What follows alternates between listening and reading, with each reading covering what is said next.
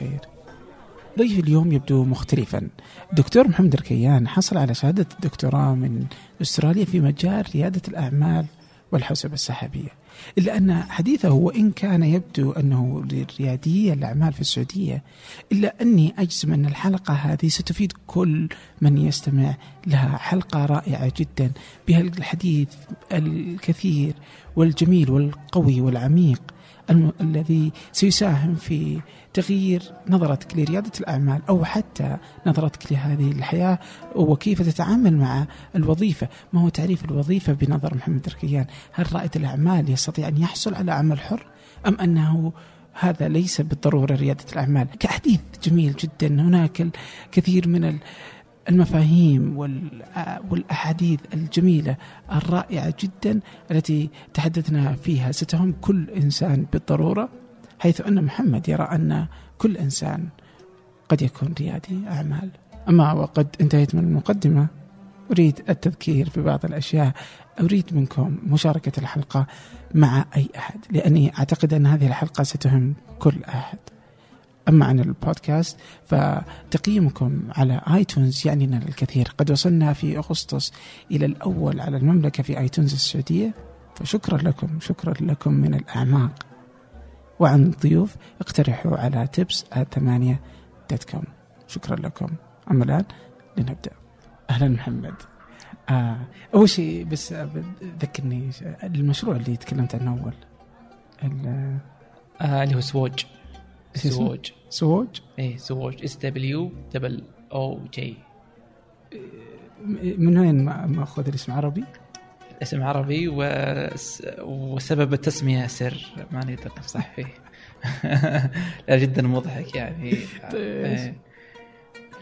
آه، كنا إحنا اثنين مؤسسين للمشروع. ف فطلعنا بالتسمية هذه وأنا ما أدري صاحب المشروع أصلا. يعني أو الشريك الآخر يبغى نفصح فيها لكن ممكن نفصح فيها أثناء الحديث يعني. طيب هات وش هي كنت أنا من سكان المروج وهو من سكان السويدي. فقلنا مش نطلع بالاسم؟ قلت تدري سووج. يعني سويدي وأنت مروج. آه. إيه.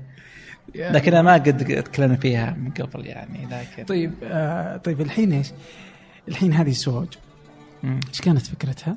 كانت يعني cloud operating system نظام سحاب آه نظام تشغيل على السحاب كانت الفكرة منها انه كيف إننا آه ننقل المعالجة والذاكرة وكل شيء على السحاب بحيث إن الشخص يكون عنده آه، شاشة والشاشه هذه اللي تشغل كل شيء.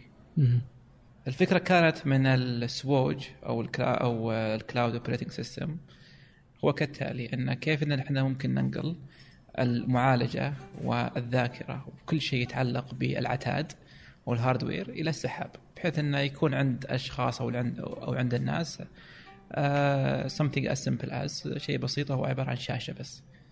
فأنا أصير uh, أسوي log in أو تسجيل دخول على الشاشة هذه وأقدر إني أستخدم جميع النظام آه، كمثلا word processor calculator إلى آخره عن طريق الشاشة هذه سوينا prototype لها أو آه، نموذج بسيط عن طريق Windows CE وعرضناها آه، على المسرح على اللي هو مركز الملك آه، آه، عبد العزيز للموهبة والإبداع. حصلنا على المركز الأول في موهبة وطلعنا برضه آه، إلى إلى دبي إلى الشارقة إلى العين في في أكثر من مؤتمر وأكثر من مسابقة. والحمد لله كان يعني كل من اطلع على المشروع هذا ويعني انبهر منه. طيب آه so الحين خليني أفهم الفكرة. الحين سووج فكرته إنه آه نظام زي ويندوز وماك صحيح؟ صحيح إحنا نحاول اننا قلنا والله إحنا أبطال إحنا وش Windows وش Mac وش وش الخرافيط هذه قاعد يسوون هذه؟ إحنا أزين منهم خلينا نسوي حاجة خرافية. هالكلام 2007 هذا 2006 2007 2006 2007 سنتين كانت yes. so بدأت 2006 بفكرة مشروع إنه نصنع نظام تشغيل نعم. ينافس Windows و Mac نعم. ويكون كله مبني على السحاب يعني 2006 ومبني على السحاب. نعم صحيح. آه طبعا كان يعني أتوقع إنه أقرب ما له اليوم 2017 هو Chrome OS إيش؟ صح؟ نظام Goo- Google Chrome نوعا ما بل انه سحابي أكثر من ال Chrome OS. لأن ال Chrome OS صح انه في أجزاء كثيرة سحابية لكن يعتمد بشكل كبير على على ال hardware أو العتاد. فتلقى أصلا في يعني Chrome OS بالفكرة إنه أي شيء جهازك مفترض إنه okay فكرة النظام اللي كنت سووج إيه. إنه أنت تاخذ الحاسب نعم وتشتري ما تفرق إيش المواصفات اللي معه. إيه، دام. إنه عندك إنترنت انترنت يعني جهازك يكون سريع ما له دخل. بالضبط. تقدر إنك ترقي المعالج وترقي ال RAM وترقي ال ال CPU وغيرها أو مثلا حتى كرت آه، الشاشة عن طريق ال settings فتدخل على ال settings وتقول أنا والله أربعة قليلة خلينا نخليها ثمانية اليوم. ممكن بعد أسبوعين تنقصها عادي. وعبر السحاب. عبر السحابي فبالتالي يعني انت أنت تدفع على حسب استخدامك أو يسمى pay as you go أها. طيب هالكلام okay. هل اللي okay. أنت قلت برضه اتذكر ذاك الوقت قلت إنه تقول لي إنه اسوء شيء سويته يعني؟ okay. أم صح؟ أم كنت إنه أوه حماس الشباب اللي خلاني أسوي زي كذا. ولا خطأ أصلا فكرتي كلها خطأ. كل اللي يسويه كان كله حماس ما له أي يعني مفترض إنه الواحد ما يفكر كذا. يعني كانت الفكرة كلها عبارة عن مم رغم إنه أي حد يسمح يقول أوه رهيبة يعني. آه شوف آه، ولا خانها الوقت ولا إيش آه،؟ ممتاز. أنا أنا كنت آه، من ضمن الأخطاء اللي دائما أقع فيها بشكل متكرر وهو التوقيت. فكان التوقيت حقتها غلط. كانت ال infrastructure أنا كان في 2003 إحنا سوينا شركة أم e-commerce وكان توقيتها غلط. سوينا شركة آه، اللي هي التجارة الإلكترونية. اشياء الكترونيه في السعودية. في السعودية نعم 2003 آه وزجول كان واحد عملائنا.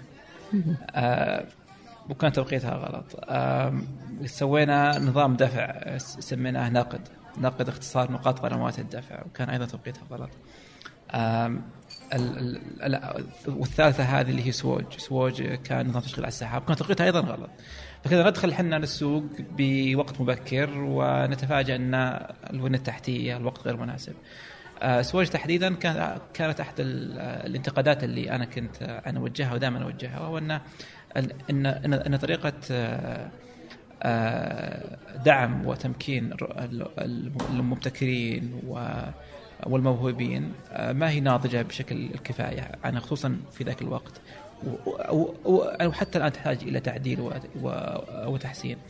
يعني آه، مو معقول إنه والله يسوي مسابقة وفعلا يطلع عندك مثلا مجموعة اللي هو التوب 10 أو العشر الأوائل الممتازين المبدعين تعطيهم فلوس وتخليهم يمشون. وخلاص هذه فلوسكم مع السلامة. آه، في حاجة كبيرة للاحتضان، في حاجة كبيرة للإرشاد. تعالوا آه، ترى أنتم دخلت في وقت مثلا غير مثلا مبكر خلينا نحاول إن نسوي اي بي أو آه، آه، عن حفظ الحقوق الملكية إلى آخره. ما كانت هذه موجودة ولا حتى يعني ما كان فيها دعم آه، واضح من الجهات المختصة في هذا الشأن كانت عبارة عن يعني آه، يعني مبلغ معين مقطوع كاش وشيك وكان يلا مع السلامة. هذا الم- الموهبة مركز الملك عبد العزيز. آه، بشكل عام مو جهة معينة لكن بس إن الفكرة كذا إنه مسابقات تفوز تاخذ فلوس تمشي. اي مو بس مركز لكنها بشكل عام الطابع في السعودية. عبارة عن مسابقات كومبetitions أنا ذاك. آه، أنا ذاك وحتى الآن موجوده يعني يعني في مسابقات كثيرة. آه، طبعا يعني في تحسن كبير الآن لما تتكلم مثلا عن عن hackathons ال hackathons يعني بعض خريجي ال hackathons يحتضنون. إلى آخره. لكن حتى الآن آه، أغلب الجهات لما تجي تقول إحنا ندعم مبتكرين ورواد أعمال ومخترعين سووا مسابقات واللي يجي تعطيهم كاش تقول يلا أنتم سووا مشروعكم كملوا عليه. أو تبغون الكاشات تصرفونها شخصيا. آه كان ابي أنا بالنسبة لي الكاش اشتريت فيه Mac. الوقت يعني كان أول ماك اللي شريته من الفلوس اللي جتني من من من الجائزة. وسوج راح. إي راح خلاص يعني. فيعني آه فهذا يعني فقط نقد بسيط ويعني وأتمنى أن إن شاء الله يعني يكون آه في المراحل القادمة خصوصا يعني مع وجود الرؤية وبرنامج التحول ال- آه، الوطني. وفي برضو منشآت اللي هي هيئة المنشآت المتوسطة والصغيرة والحاضنات الأعمال.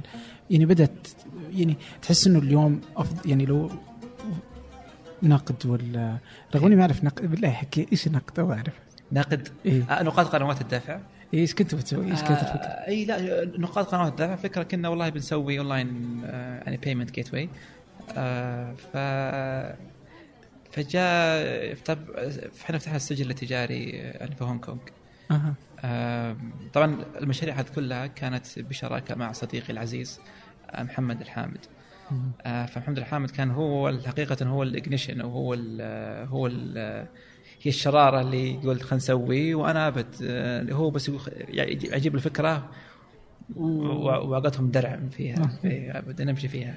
فكانت لنا بنسوي نقاط رمى الدفع وكذا بنسوي online payment gateway اللي صار إنه والله آه، ما قدرنا إن نكمل في السعودية لسبب أو لآخر. السبب والله قالوا لنا ان آه، أنتم لازم يكون عندكم تصريح بنك. والبنك لازم له رأس مال معين. جد اتصال يعني قالوا لا يعني وقف المشروع هذا ما تقدر تكمل فيه بالسعودية. طبعا هذا كلام يعني تكلمت عن 2004 ثلاثة. إي تقريبا بتوين أربعة و آه، لا مو ثلاثة. كانت 2005 الظاهر شيء زي كذا. أنا في أنا في الوقت هذا اللي هو بين بين آه هو بعد بعد التجارة الإلكترونية. يس يس شكلك كنت كنت في التجارة الإلكترونية تعاني. إي بالضبط إي. طبعا اللي اللي اللي كان تحت البنوك حقيقة الداعمة في التجاره الإلكترونية كان البنك الأمريكي اللي هو سامبا حاليا. فكانوا يعني يعني interested وحاولنا ان نشتغل مع بعض فيها. ما عاد سوينا نقد لكن يعني ما مشى نقد. وسوينا سعودي PayPal السعودي PayPal dot com وحاولنا نقول يا شباب افتحوا لنا حساب عندنا في الموقع. وإحنا نفتح يعني باسمكم في أمريكا. لكنها كانت ال legal يعني كانت غير قانونية. هناك وهنا حتى اي أتوقع. اي فبالتالي وقفناها برضه فكان عندنا أكثر محاولة في ال e-co- في يعني في, ال on- في ال online payment وال e-commerce لكن يعني كنا بدري يعني زي ما قلت. طيب لو الحين 2017 وجيت سويت إيش اسم ال- التجارة الموقع حق ال e-commerce؟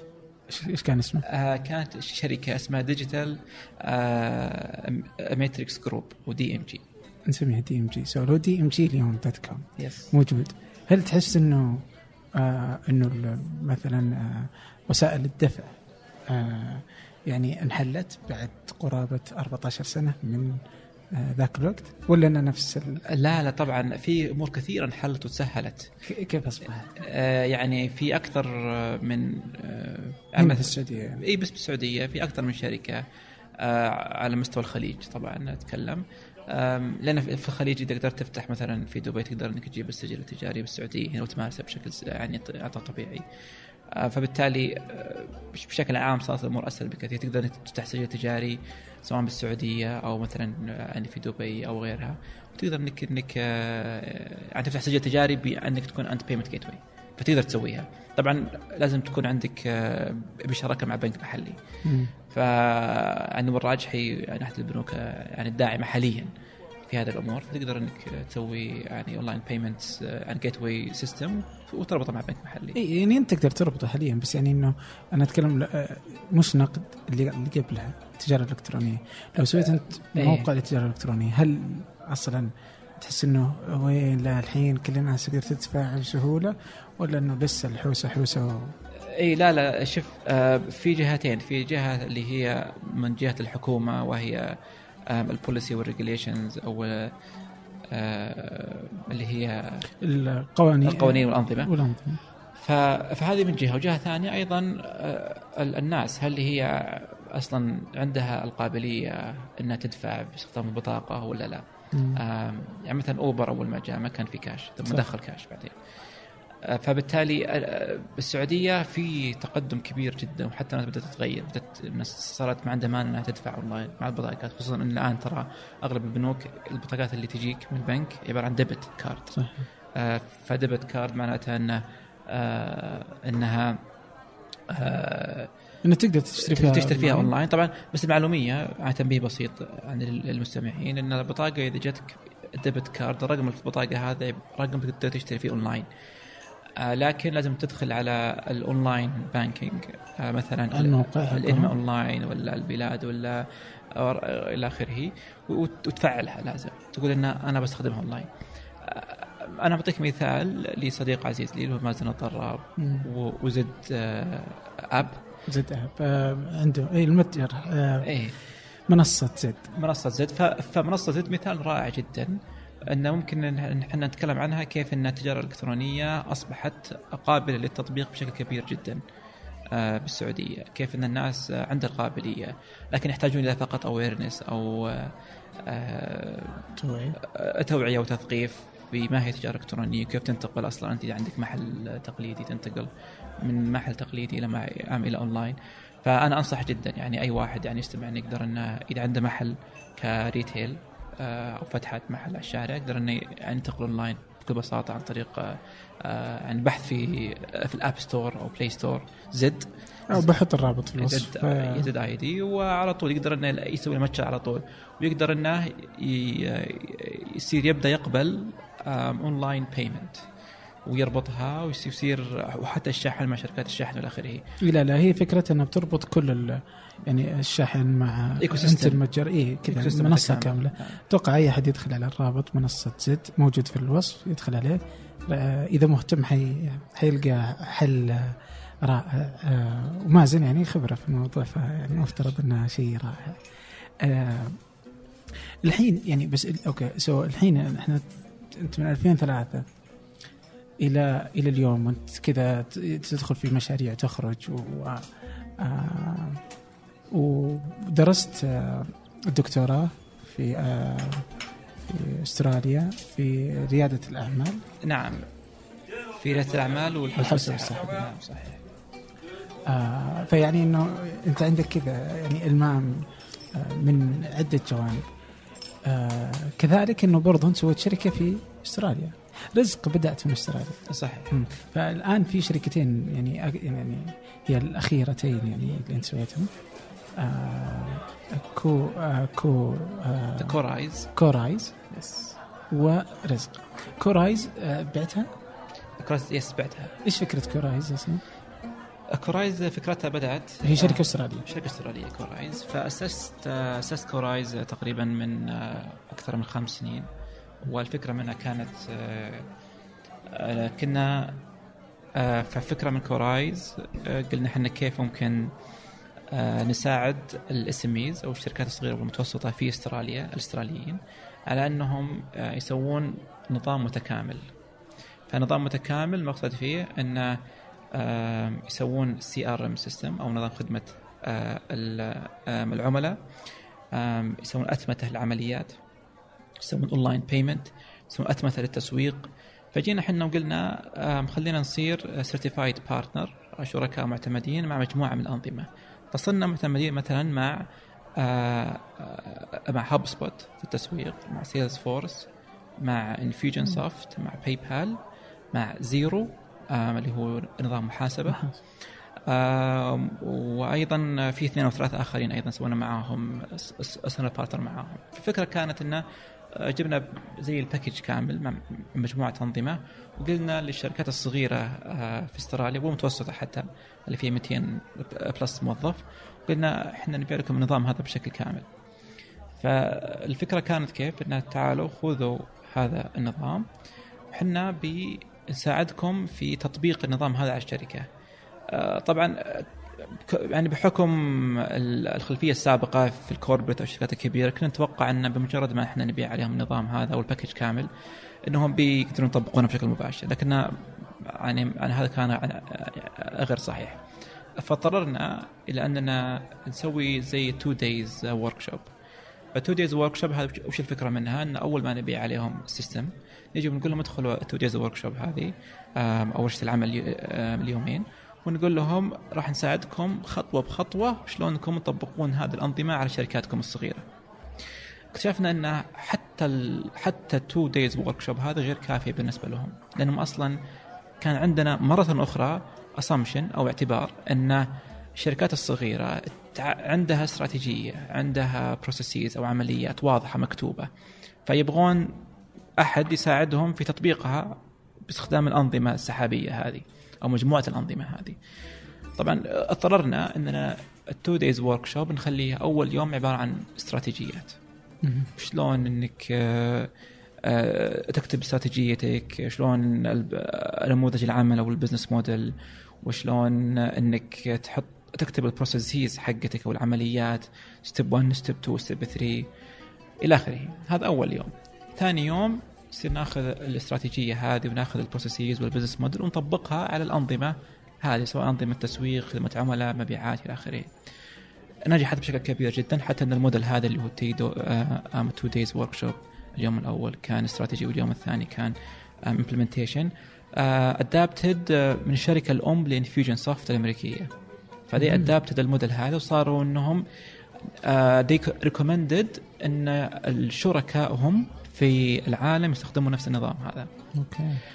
الآن رزق آه، الحين هذه آه، أنت سويتها آه، لما تقول إحنا أنتم مين؟ يعني أنتم شركاء أستراليين أنتم إيه. ناس يشتغلون معك أحد سعودي؟ اي الش- الشركة حامد مع السر لا حامد موجود هنا. محمد الحامد ما يعني ما راح معي أستراليا للأسف. أنا ودي لو أنا موجود هناك كان سوينا الهوايل آم، اللي صار إن آه، الشركة بدأت كسول فاوندر اللي هو أنا كشريك وحيد. نحاول نخليه أوكي شوف إيه. في تحدي الحين. أدري إنه مرة تحدي خصوصا في في مصطلحات الأعمال. نحاول كذا نعربها. ممتاز. ال sole, founder اللي هو الشريك الوحيد. يعني في السعودية هنا نسميها مؤسسة. ما آه، في فكانت بدأت كمؤسسة أصلا. مم. أو يسموه sole trader عفوا في أمريكا أنت الشيء اللي خلاك تبدأ إيش كذا اللي قلت "مم، خلني أسويها واول أول شيء سويته في شركة كذا أول عملية أول إيه. كذا كيف كانت البداية؟ إي أنا كنت أقول كيف إني أبدأ بسرعة كانت فكرتي إنه المعرفة كنت وقتها تدرس ولا آه، خلصت دراسة؟ آه، لا كنت؟ كنت آه، في الماستر طبعا آه وقتها في المستوى. اي طبعا ال master ال PhD كان في جامعة ميلبورن أستراليا. آه بالنسبة لي كان الماستر يعني حقيقه كان useless يعني بالنسبة لي كان تكرار للأشياء اللي أخذتها في البكالوريوس. البكالوريوس كنت أخذت نظم معلومات بجامعة ميلبورن آم، من الملك جامعة سعود. الملك سعود. والماستر بجامعة ميلبورن. الماستر بالنسبة لي كانت المواد كلها إذا ما هو بأغلبها كانت تكرار اللي اخذتها في في البكالوريوس. طبعا إحنا عندنا اللي هو اللي هو نظام التعليم بالسعوديه إنك ما تقدر تأخذ PhD من البكالوريوس. آه، لكن هذا أصلا موجود كخيار في أستراليا. تقدر إنك والله إذا إذا إذا عندك آه، البكالوريوس وال PhD نفس التخصص الماستر تقدر تطمره أها آم، لكن لأن ليش؟ لأن يعني أغلب الناس اللي ياخذون ماستر لأنهم يبغون يغيرون تخصص. مثلا واحد مثلا ماخذ آه، مثلا economic ويبغى يتخصص مثلا IT نظم معلومات. إلى نظم معلومات اي فإذا كنت بتغير تخصصك بتسوي shift في ال career عندك. ماني قادر آه، ماني قادر أخليك تسيطر على اللغة. اي اي أنت عندك اللغة على طول كلها تتحول. يعني. آه، اذا واحد يبغى آه، آه، آه، يغير ال يلا الحين بتراج... أنا شغلت البروسيس الثاني حق إيه، ترانزليشن خلي على السحاب الآن. اي السحاب شغال الحين لازم أوت سورسنج فال اذا إذا الشخص جاي يبغى يغير الكارير ساعدني فيها. آه، وظيفة. وظيفة. بالتالي إذا واحد يبغى يغير نمط الوظيفة حقه مثلا من محاسب إلى IT مثلا. آه، أو نظم معلومات أو غيرها. فهنا نقدر يقدر يأخذ master. ال master الآن يعني الآن صح تقدر تأخذ ماستر ما في أي معنى. لكن وش. وش اللي يصير عندنا في يعني في وزارة التعليم؟ لا الماستر شيء إجباري قبل ال PhD مم. الآن فاخذت ال master ال master بالنسبة لي كان سنتين. أم أم الوقت اللي حطيته في الماستر ما يتجاوز 20% من الوقت يعني. أغلب وقتي كان في الشركة. الشركة اللي هي اللي كورايز. الآن بالنسبة لل- للدكتوراه وال PhD الدكتوراه بالنسبة لي لها قصة ويعني بنجيها بعدين. الحين هذه كورايز ويوم بدأتها يعني أعطني فلوس. قديش يعني كذا؟ كيف كانت؟ إيه. كانت شركة يعني كذا وبدأت تشوف أنت النموذج الربحي وزي كذا من هناك بدأت تركز في الموضوع ذا اي انت أنت تتكلم عن تقريبا 2000 دولار على كل package نبيعه.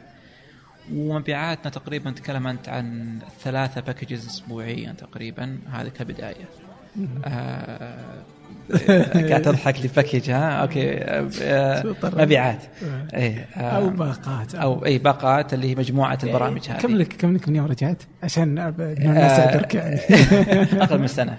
أقل من سنة. سنة هي فت- للتوراة إيه، يعني. لا وترى قاعد فترة طويلة تقريبا تسع سنوات في بريطانيا قبل أستراليا.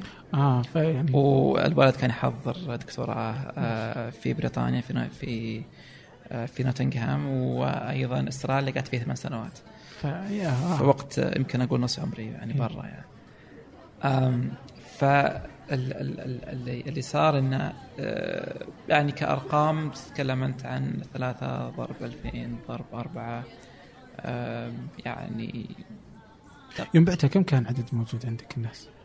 كان عدد اضطريت إنك تبيعها عشانك ترجع السعودية؟ هذا؟ آه لأني طلعت كورايز آه طلعت رزق منها. فال two days workshop أو أو ورشه عمل اليومين؟ أول ورشة عمل أو ورشة. اي اي ورشة. فاول أول ورشة كانت عن الاستراتيجية. فالاستراتيجية هذه هي اللي في الحقيقة كانت آه، هي الدافع. نبهتك لشيء جديد مرة؟ اي ما كان ببالك بالضبط. ف فطلع الشغف اللي عندي أو أو ال passion من ورشة العمل الأولى. مم. فالشغف طلع هنا وهو أن صرت أنا لما أقعد مع آه، الشركات الصغيرة في استراليا كنت أحب أني أقعد معاهم حتى لفترات أطول واحيانا حتى أروح عندهم في يعني في أماكن العمل مثلا اللي عنده كافيه أروح له في الكافيه أشوف هو كيف يسوي وكيف اني اساعده ممكن أنه يطبق الأنظمة السحابية هذه عنده في الشركة. آه، ف سبوتيفاي كان من ضمن الشركات أيضا اللي هو point of sale وال online آه، أو ال e-commerce أو التجاره الإلكترونية. فكنت شوبيفاي؟ سبو- آه، شوبيفاي yes أنا قلت سبوتيفاي صح؟ إيه، لا آه، إيه، لا أنا قلت سبوتيفاي بس. إيه لا شوبيفاي أحسنت. سبوتيفاي هذا حق ال music لاين ستور ف فشوبيفاي ال- ال- فالشغف طلع من هنا.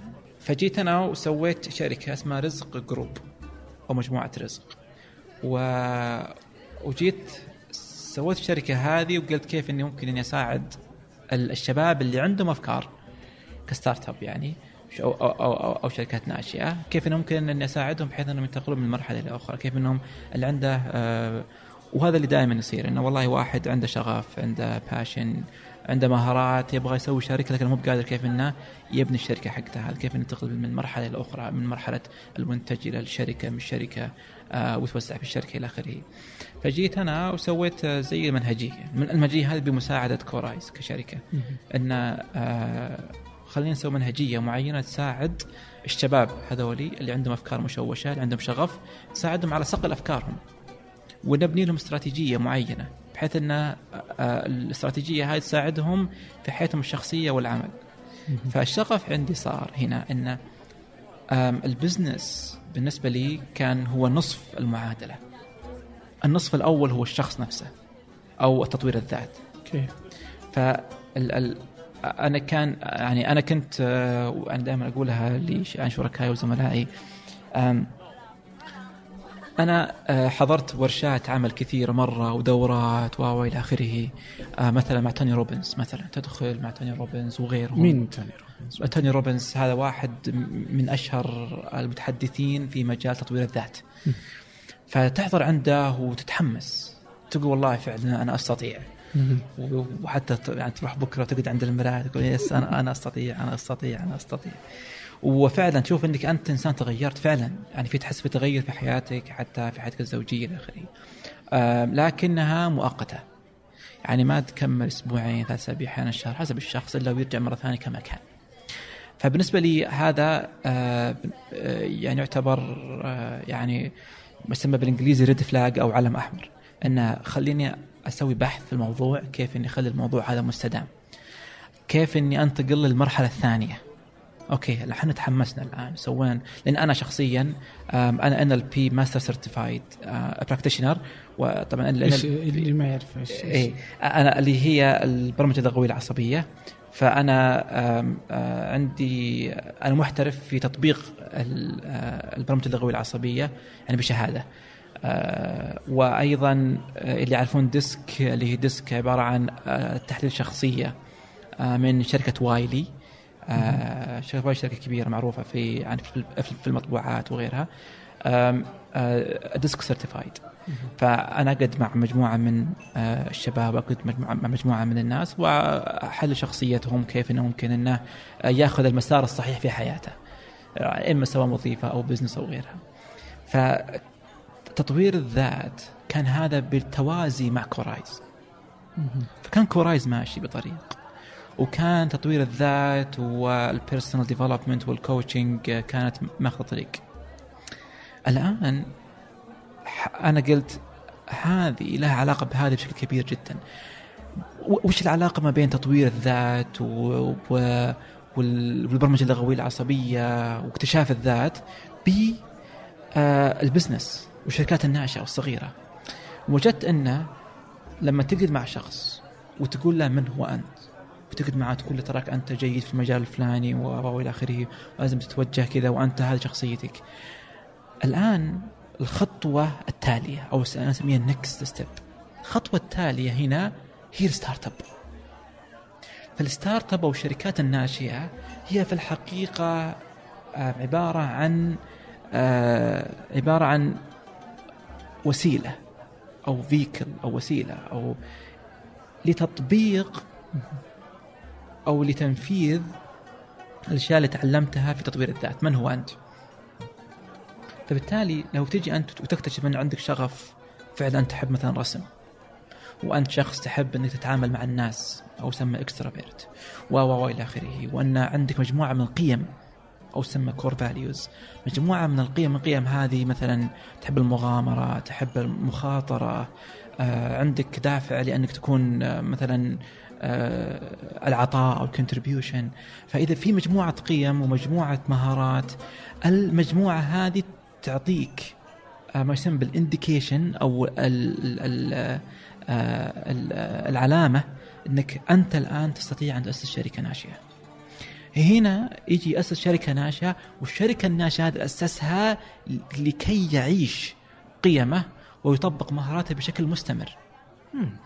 فبالتالي أنا الكور فاليوز أو القيم اللي عندي هذه كيف أني أعيشها؟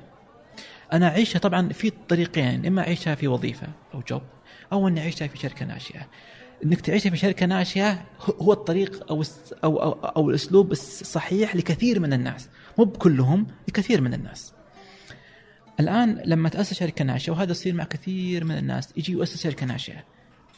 الشركة الناشئه هذه خلت الشخص سعيد جدا أو عنده الشعور بالرضا الداخلي أو self satisfaction لأن بدأ يعلم الناس ويعلم نفسه طبعا اولا من هو أنا ويعيش نفسه حتى وإن كان على رأس الوظيفة أو على رأس العمل أو غيرها. هنا الشخص يقدر يجي ويقول آه أنا الآن وصلت إلى مرحلة في الشركة الناشئه أقدر أتخذ قرار. إما اني اكون رائد أعمال داخل شركة. أدخل أنا رائد أعمال طبعا رائد أعمال هذا آه برضه بحث عنه لاحقا ما هو رائد الأعمال وما هي ريادة الأعمال فممكن يكون هذا يقول أنا رائد أعمال أنا عندي مهارات محددة عندي رؤية واضحة الآن إما أني أروح وأبني شركة طبعا بناء الشركة ترى شيء كبير جدا في كثير من الناس يعني يستسهلونها. اما اني أبني شركة وأجيب موظفين وأدخل في موضوع الاوبريشنز أو العمليات والشغل التقليدي أو الروتيني صح التعبير وليس التقليدي الروتيني أو إني خلاص أروح وأنضم إلى شركة. وأصير موظف. واصير لا مو موظف. هو شوف كلمة موظف. أنت أنت قلت إنه يمدي يصير رائد أعمال داخل شركة. داخل شركة بالتالي هو راح يكون عنده نوع من الأسهم جوا الشركة هذه. فهو راح يكون شريك مؤسس. في الشركات الناشئة. في شركة ناشئة أو حتى متوسطة. يعني small business ما زالت في مرحلة اكتشاف نموذج العمل ويحاولون يعرفون من هم ما هو توجه الشركة.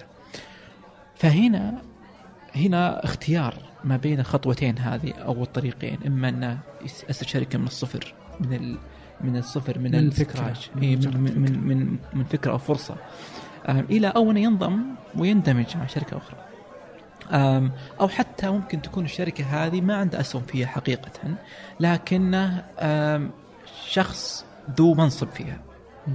شخص قائد أو يسمى بالإنجليزي اللي هو ثوت ليدر شخص قائد بفكر قيادي وفكر ريادي سواء كان في جهة حكومية أو عن في القطاع العام أو جهة خاصه قد يكون رائد الأعمال موظف في حكومة أو في شركة حتى كبيرة يعني أو قد يكون مثلا مع الشركات الصغيرة اللي يبدأ إنه آه مثلا ك باسهم أو غيره. لا تقدر تسميه زي إيه؟ كذا يعني؟ شوف آه خلينا أعرج على نقطة موظف هذه. موظف أنت دائما موظف. وترى هذه نقطة جدا مهمة ولازم يعرفها كل رواد الأعمال. أنت دائما موظف.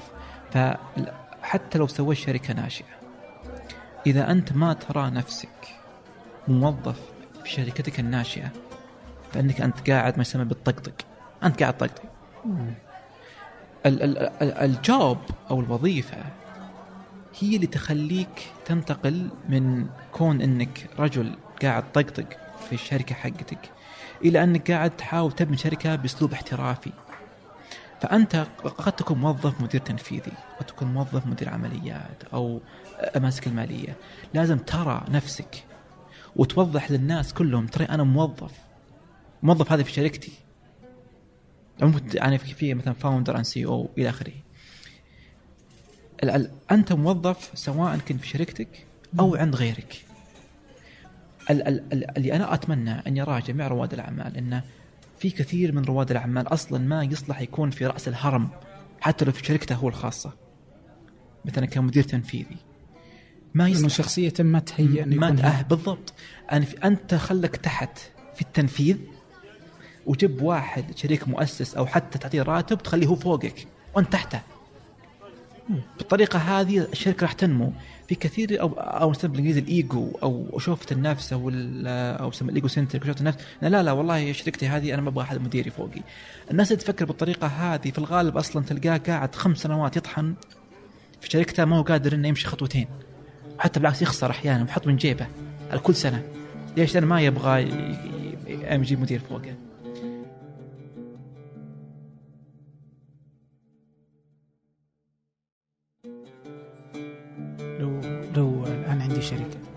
كيف ممكن أعرف إنه أنا أنا والله ما ما ما أصلح إني أكون كذا يعني؟ كيف ممكن أجيب أحد يكون مديري؟ اي ممتاز. في في اللي هو عندك مجموعة آه، أو خلينا نقول مثلا على سبيل المثال آه مثلا DISC. D I S K C sorry. D I S C ف DISC مثلا هذا آه أنا ما أنا ما أحب أسميه اختبار لأنه ما في نجاح وفشل.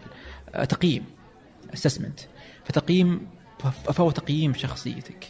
آه التقييم هذا راح يعلمك يعني من هو أنت وش الأشياء اللي تقدر إنك أنت تسويها بشكل أفضل من غيرك. في تقييم آخر مكمل ل DISC اسمه Clifton StrengthsFinder 2.0 الآن. وراح أعطيك إن شاء الله الرابط حقه لاحقا. Clifton ممتاز. فبالتالي الآن Clifton StrengthsFinder راح يعلمك ما هي المهارات الخمس الأول اللي عندك.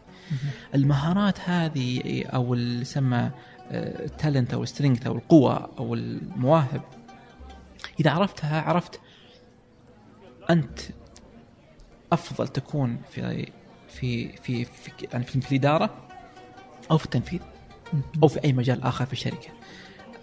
آه يعني أنا أتذكر كان أحد المرشدين عندي اسمه جلبرت في أستراليا. جاء قال لي يعني قال لي جلبرت انتبه يا محمد انتبه إنك تصير مدير تنفيذي. في شركة يعني يعني في شركة قائمة أو عادي قلت ليش؟ قالوا أيضا انتبه انك تأخذ لك مكتب. أنت ما تصلح إنك تقعد. عجيب. فمن يعني من ذاك الوقت قعدت ابحث الموضوع وكيف وليش وفعلا وجدت أن الأوقات اللي أنا فيها ناجح هو هي الأوقات اللي أنا أدخل فيها مع فريق أو أسوي لي فريق مثلا حتى لو فريق مؤقت وأدخل وأشتغل على شغل حق يومين ثلاث أيام أسبوع أخلص أنفذه وأسلم ثم أروح على على شغلة ثانية. فأنا builder executor not manager هذه للأسف في كثير من الناس يراها انتقاص. حتى في لما لما أقعد مع ناس وأقول لهم إحنا نخزن مشروع معين يقول إيه خلاص أنت يا محمد في ال back office أو في آه يعني في التنفيذ يعني خليك قاعد ورا. بالعكس ال ال ال ال ال لما نرى لما لما تتغير أفكارنا ونرى إن اللي في رأس الهرم هو بنفس الأهمية اللي في التنفيذ بنفس الأهمية اللي آه اللي شغال في المبيعات أو ال sales أو في التسويق أو ال marketing. إذا وجدنا إن كل هذول الناس على نفس المستوى من الأهمية راح نبي شركات ناجحة. راح نقول خلاص أنا أنا هنا وليس هنا. بالتالي هذا كله الآن لو لو نرجع مرة ثانية للحديث السابق وهو إن سؤالك إن هل رائد الأعمال ممكن يصير في شركة كموظف؟ الإجابة على السؤال هذا هو أصلا موظف حتى في شركته. فأنت أفضل أو خلينا نسميه الأثر. أو الإمباكت حقك الأثر حقك هل هو أفضل؟ وهذا جدا مهم وأنا أبغى جميع المستمعين يركزون في النقطه هذه جدا الأثر الإمباكت. الأثر حقك هل هو أفضل إنه يكون في شركتك الناشئة هذه؟ أو يكون في مكان آخر في شركة قائمة وأنت تدخل معاهم وت- وتضاعف الأثر حقك خمس أضعاف. أنت كإنسان أنت مؤتمن على الوقت اللي أنت قاعد تقضيه على الدقيقة على الساعة على اليوم. فأنت مؤتمن عليها فالوقت اللي أنت قاعد تقضيه هذه هل أنت قاعد تقضيها في شركتك هذه اللي أنت قاعد آه، تطحن فيها شهور سنوات؟ هل أنت فعلا تعطي أثر للمجتمع وللناس؟ أو أن الأثر الأفضل إنك أنت راح تسويه بدخولك في شركة أو دمجك أو دخولك أو انتقالك إلى شركة سواء حتى لو قطاع عام لو جهة حكومية أو شبه حكومية أو قطاع خاص. إذا استوعبنا فعلا الموضوع هذا واس- واستوعبنا ان ان إن أنت كرائد على كرائد أعمال آه، تمر بمجموعة مراحل والمرحلة اللي أنت فيها آه، ال- اليوم مثلا خصوصا ال- الآن يعني في نقطة ودي آه، بعرج عليها لاحقا إن إحنا الآن خصوصا مع وجود الرؤية ووجود التحول الوطني إن ال- البلد في تطور مستمر وجروث خرافي. وقاعدين ننمو نمو البلد وقطاعات الدولة تنمو نمو سريع ومتسارع. لكن الإمكانيات اللي عندنا الآن وصلنا إلى حد أن ال- ال- ال- الموارد الموجودة بدأت تكون محدودة سواء في التقنية في الإدارة في المالية في تحليل النظم وغيرها محدودة. بالتالي صار صار آه، البول هذا اوف اللي هو مجموعة المواهب صارت محدودة نوعا ما بوجود التطور السريع هذا اللي قاعد يصير في المملكة. فبالتالي أنا قد يكون ان إن الأثر اللي يعطيه رائد الأعمال في المرحلة الحالية أو المرحلة القادمة أنه بشكل مؤقت أنه والله أنا الأثر اللي ممكن أعطيه هو أن أكون في جهة معينة. لو مثلا part timer أو مثلا advisor أو مثلا بأي طريقة معينة كيف ممكن تعطي أثر أكبر في حياتك شركتك في قطاع عام في قطاع خاص أو في أو في دمجك مع شركة أخرى؟ مم. طيب الحين لما الواحد يعني الكلام هذا جميل جدا. يعني آه، إيه، إنه أنا مثلا ما أنفع إني أكون هنا آه، فمثلا ممكن أروح أسوي شركة أخرى أو ممكن أسوي شركتي الخاصة. يعني آه، أنت في البداية كنت تتكلم إنه إنه أي أحد يستطيع إنه يصنع من شغفه آه، شركة تقوم يقوم يعني شركة ناشئة. آه، لكن ممكن مع الوقت برضو إنه يعني بعد ما مشت السالفة ممكن شغفه ما يجيب له فلوس. ف ف أصلا إيش يسوي في الموضوع ده؟ مسألة. إذا مو شغفه إيش يسوي فيه فلوس؟ مثلا بعدين قال لك أوكي طيب أنا محمد آه بس يعني يعني أقتنعت إني ممكن أسوي زي كذا. بس كذا بس لا يزال إنه مو بسهل على الإنسان. يعني إيش يخليني كذا إني أقول أوكي خلاص أنا بقفل الشركة أو الشيء اللي أنا جالس أطحن فيه خمس سنين أو مرة أنت دقيت على الجرح. وصح أنا خمس سنين أنا مفحط يمديني أروح بس إيش يخليني كذا؟ فاهم؟ إيش اللي يخلي كذا نفسي ترضى إنه أنا أقول "أمم، يلا خليني أروح هناك. آه، أوكي. آه، الر- الرزق تأتي هنا. فرزق أساسا أسست ليش؟ أساسا إحنا للمشكلة اللي ذكرتها بالضبط لأن لأن المشكلة اللي أنا ذكرتها تحديدا هي المشكلة اللي أنا واجهتها سابقا. طبعا على فكرة عدد الشركات اللي أسستها تسعة ترى لكن اللي نجح منها يعني أربعة بس. فبالتالي المحاولات الفشل السابقة والنجاح اللي صار وت- وتعثرات وكيف إني آه، أو يسمونه بالإنجليزي ليت جو خلاص خلي الموضوع يمشي انسى الموضوع يعني رح للخطوة القادمة. أسست رزق على هذا المبدأ. رزق قلنا إحنا تعال أنت يا رائد الأعمال عندك عندك آه، أكثر من مرحلة في حياتك. واول مرحلة هي مرحلة الوضوح. فحتى لو أنت رائد الأعمال عندك شركة قائمه أو عندك آه، عندك آه، سواء كنت على رأس العمل أو شركة أو عندك استثمار يعني وات ايفر يدون أو أي شيء قاعد تسويه الآن. أبدأ الآن بالآن اليوم. أنا أتمنى من المستمعين جد يعني آه، يعني اللي يستمعون للحلقة هذه إنه يبدأ من الآن. خل عندك وضوح شخصي. هذا أول حاجة. وترى الوضوح الشخصي راح يسهل اتخاذ القرار في المستقبل بشكل كبير جدا وترتاح نفسيا. الوضوح الشخصي وشو؟ الوضوح الشخصي في رزق إحنا سميناه هرم القيادة. فهرم القيادة عبارة عن أربعة أشياء. تمام؟ فإذا إذا أنت تستمع الآن وت- وتقدر تأخذ ورقة وقلم أو مثلا جوالك تقدر إنك تكتب في النوت ممتاز جدا. إذا أنت تسوق طلع محمد إيه، المدرب. إيه الآن. إذا إذا أنت تسوق لا تكفى. ركز بسواقتك اسمعنا بس. الآن أبغاك أه، تحدد لي أربعة أشياء. حدد لي ما هي رؤيتك. رؤية جدا جدا مهمة. طبعا أتكلم الآن عن شيء شخصي ليس الشركة رؤية شخصية. ما هي رؤيتك الشخصية أنت؟ أم، الرؤية الشخصية قد تكون حاجة سهلة جدا وهي شغف.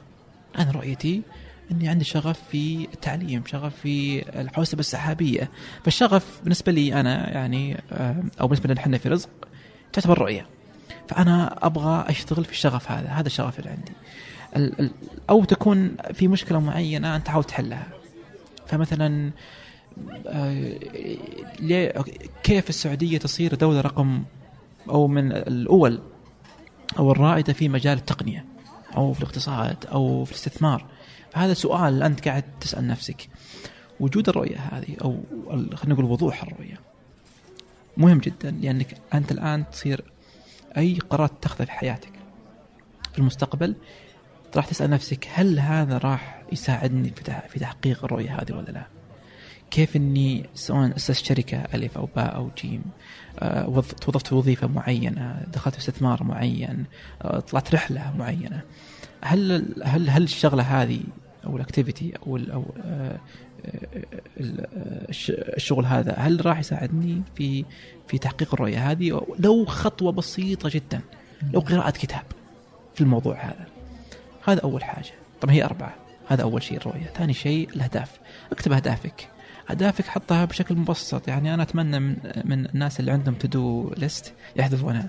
أنا ترى ضد فكرة التدو ليست ما ما ما ما, ما في تحت قواعد. إي لا لا إيه؟ أنا أنا كنت ترى أنا كنت محترف يسمونه جورو في التدو ما في تطبيق تدو إلا وأنا محمله. عجيب يعني محمد إي لا أنا أعلمكم كله. في بعضها أسوي تزامن مع السحاب بعضها ما يسوي وبعضها فيها مرفقات بعضها في بعضها ألوان في بعضها لها كذا category. أنا أنا كنت آه، يعني محترف وكنت أستخدمه بشكل خرافي. كنت أخلي حتى الناس اللي يشتغلون معي أعطيهم مهام. يا فلان ترى حمل تطبيق الله يهينك. وترى بعطيك أنا مهمة بسوي لك ال assign. يعني إسناد المهمة لك. فقرأت كتاب اسمه The One Thing The One Thing The One Thing The One Thing كتاب آه يعني أحد مرشديني يعني هو اللي قال لي لازم تقرا يا محمد أنت وش قاعد تسوي في حياتك؟ فالكتاب هذا يقول لك إنه دائما في شغلة واحدة في شيء واحد thing شيء شيء واحد أو الآن في موضوعنا أهداف ففي هدف واحد. الهدف الواحد هذا سويته. الأشياء الثانية تصير سهلة بالنسبة لك أو أصلا غير مهمة. زي إيش مثلا؟ يعني أنا أعطيك مثال. جيت طبعا آه، قبل مثال خلينا نشوف كيف نطبقها على الأهداف. okay. ثم نأخذ مثال على الأهداف. نعم. الآن آه، سوي لك هدف للسنة هذه. مثلا السنة هذه 2017 تبغى تسوي بي أهداف. فأنت لا تقول أهداف لا تسوي سرد لمجموعة أهداف. سو هدف واحد ل 2017 سو هدف واحد لسبتمبر الشهر هذا مثلا أو what سو هدف واحد الأسبوع هذا سو هدف واحد لليوم. مثلا اليوم إحنا بنسجل ال- آه، البودكاست فهذا هدف خلاص. آه، سو هدف واحد السنة هذه. مثال السنة هذه أنا مثلا أبغى أسوي شراكة مثلا مع جهة معينة مع مثلا مع هيئة منشآت مثلا شراكة مع بنك معين. فبالتالي هدف واحد. آه ال ال الهدف الواحد هذا تلاحظ ان تحقيقه. يخلي من الأشياء الثانية سهله الإنجاز أوكي أو غير مهمة. طب هذا هو نص الكتاب. The one thing that makes everything else easy to do or not important. فتحقيقه يخلي من الأشياء الثانية سهله الإنجاز أو غير مهمة. فعلا. طبقت أنا تقريبا لي هذه السنة الثالثة. وأنا طبقت one thing. هذا اول شيء الواحد. شيء سعادة غير طبيعية. مم. شلون سعادة غير طبيعية؟ بكل بساطة لما أحقق الهدف هذا أنا أنبسط. أصير خلاص أنا أنا أنجزت. الأشياء الثانية اللي أسويها في بقية اليوم وبقية السنة it's an extra شيء إضافي. فكل شيء إضافي سعادة بالنسبة لي. بينما لما تكون شخص أنا مثلا أنا كان يسميني المرشد عندي أنت over achiever انت دائما تحب تسوي أشياء أكبر منك وأكثر منك. فلما تسوي قائمة to do list أبغى أسوي خمس أشياء. سويت ثلاثة من الخمسه وانتهى اليوم. وانتهى اليوم. أو انتهت السنة وسويت ثلاثة من الخمس أشياء هذه. بتقول يا الله يا أخي السنة هذه ما ما كانت جيدة. ما أنجزت. ما تشعر برضا داخلي فتبدأ أنت يسمى self sabotage قاعد أنت تحاول آه، جلد الذات. تقول والله أنا إنسان مهمل إنسان غير ناجح شوف غيري وش يسوون. لا والآن مع السوشيال ميديا بعد تدخل تشوف العالم رايحه يمين ويسار. تبدأ المقارنة إيه. بال إيه فتبدأ تقول لكن لما يكون عندك هدف واحد The One Thing والكتاب هذا كله يتكلم عن الموضوع هذا. إنه خلاص خلي عندك هدف واحد. حتى لو كان كبير لكن هو شيء واحد هو تركيزك. فكل الاشياء قاعد تسويها السنة هذه أو اليوم أو الشهر هذا يصب في الهدف الواحد. هذا طيب الآن خلينا نرجع مرة ثانية لهرم القيادة هرم القيادة طب أنا بوقفك هنا تفضل.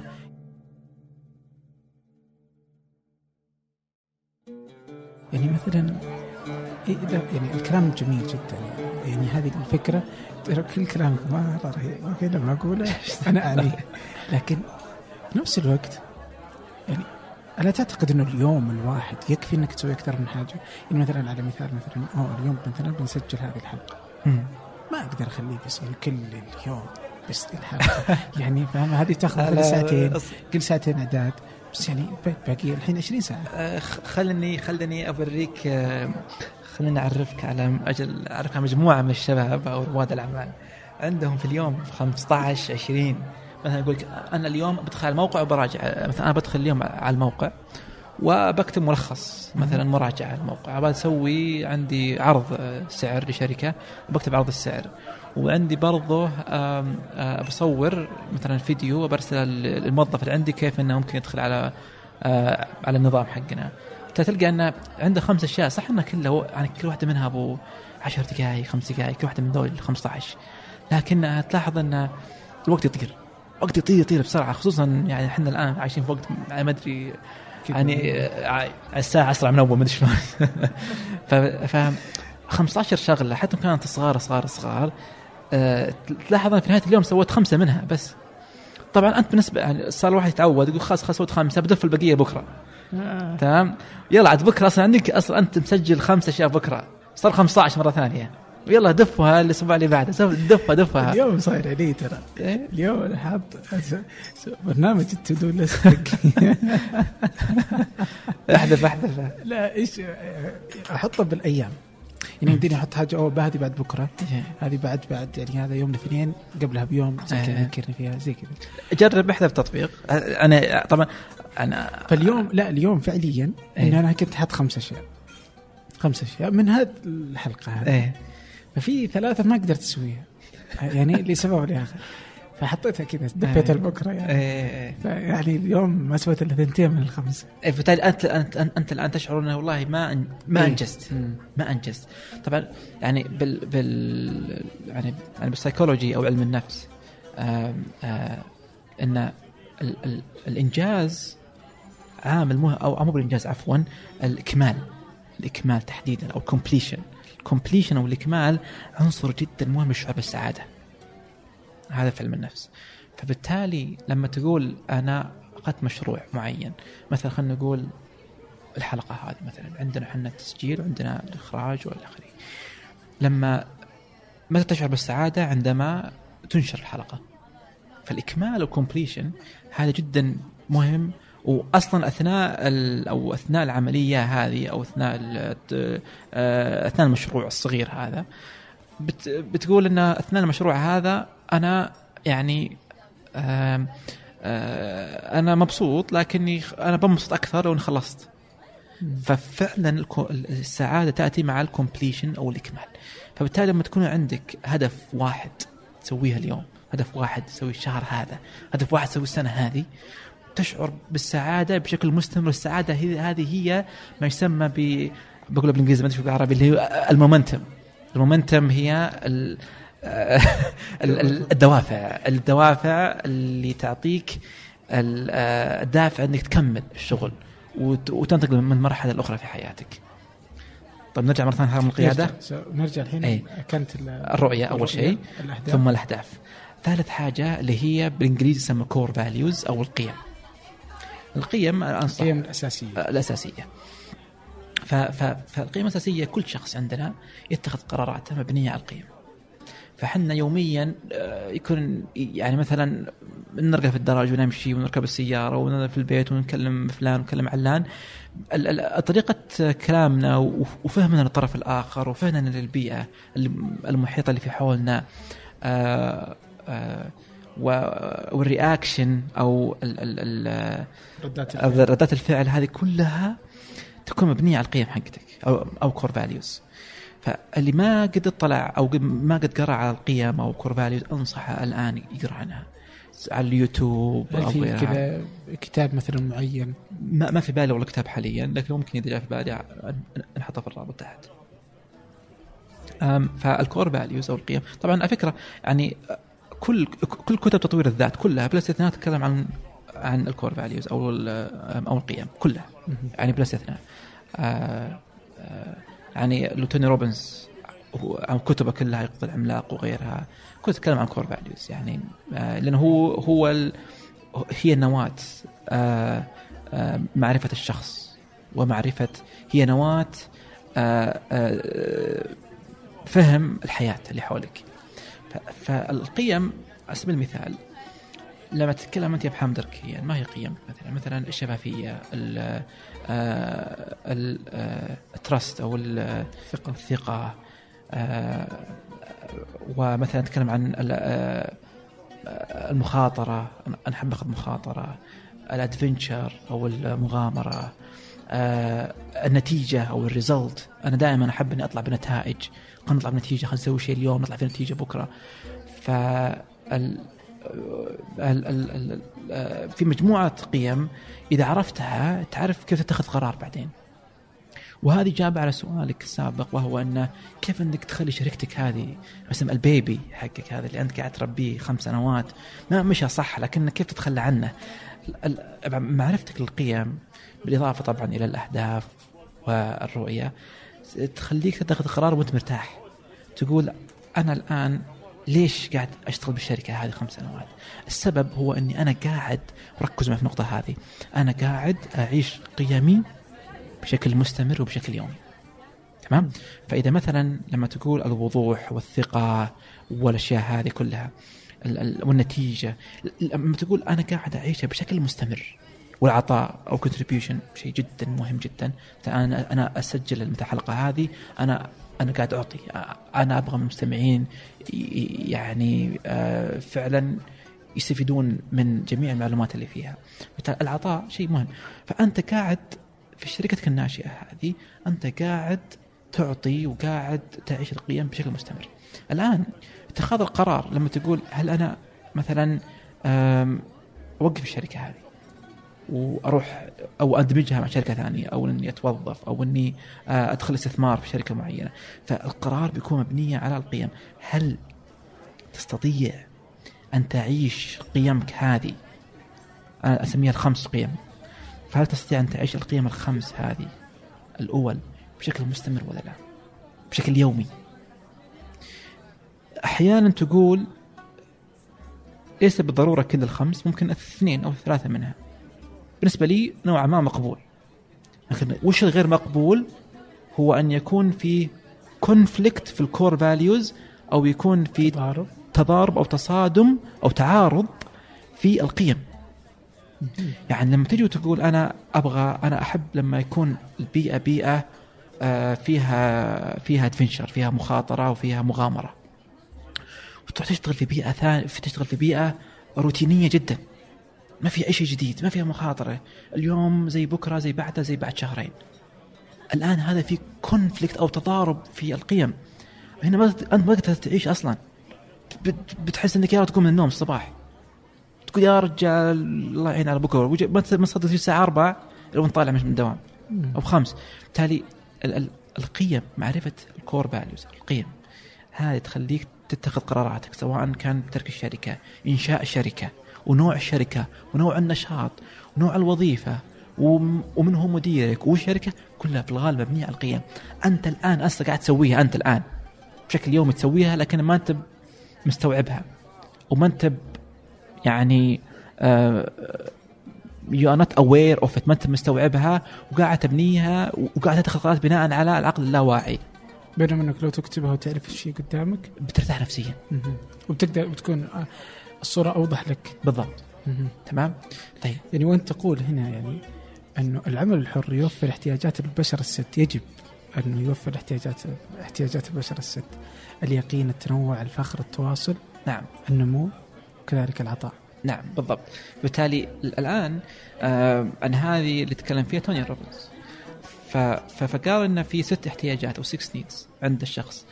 ال- ال- ال- ال- رائد الأعمال لما يبني شركة ناشئه أو startup company startup company هذه طبعا على فكرة لما إحنا نتكلم لما نقول رياده أعمال آه، اجتماعية أو social entrepreneur أنا ما أؤيد المصطلح هذا على فكرة.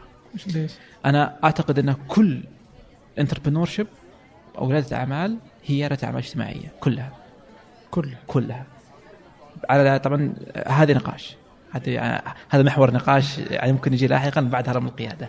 آه، إذا أنا يعني على فلسفتي إن إذا ما كانت اجتماعية فهو عبارة عن بزنس عبارة عن عمل تجاري. آه وأنت تشوف إن في فرق بين العمل التجاري ورياده اعمال وبين ريادة الأعمال؟ فرق كبير. فرق كبير. طيب. فرق كبير. أبتي لك تمام. شوي. على إيه. طريق النقطة التالية. الآن آه، نعود فنقول أنه عندنا الرؤية والأهداف. والقيم إيه. الأساسية. أي الرابع حاجة هي المهارات التي تريد احترافها أو skills to master أو skills mastery فالمهارات اللي أنت بتحترف وهذه آه، مهمة ولا تقل أهمية عن البقية. بقية الث- الثلاث في هرم القيادة. لأن المهارات ال- اللي أنت إذا حددت وكتبت ما هي المهارات اللي أنت بتحترفها؟ أنا دائما أسأل كل الناس اللي حولي. سؤال أنا بسال بالإنجليزي ثم من اترجم بالعربي. What do you want to be known for? What do you want to be known for? ماذا تريد آه أن تعرف أن. تعرف به. فماذا تريد أن تعرف به؟ هذا مهم جدا. سواء عمل حر آه، شركة آه، عمل تجاري entrepreneurship أعمال وظيفة استثمار. ماذا تريد أن تعرف به؟ لما تتح... لما تجاوب على السؤال هذا وتقول أنا أبغى أن يعرف بي إن عندي المهارات ما- ال- ال- الجواب على السؤال هذا بتكون مهارات معينة مهارات معينة.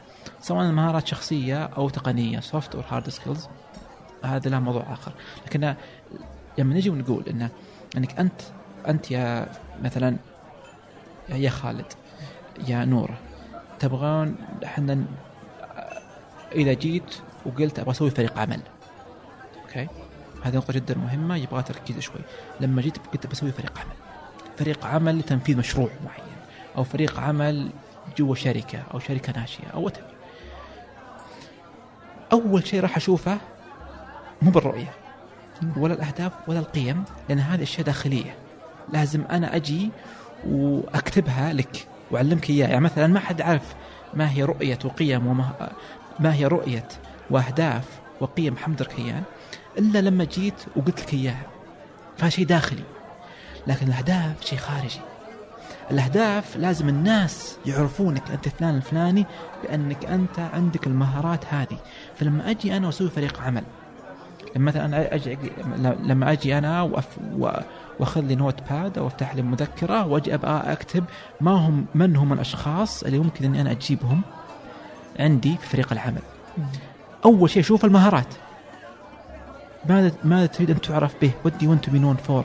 مثلا أنا شخص محترف في الرسم. شخص محترف في التصميم المعماري.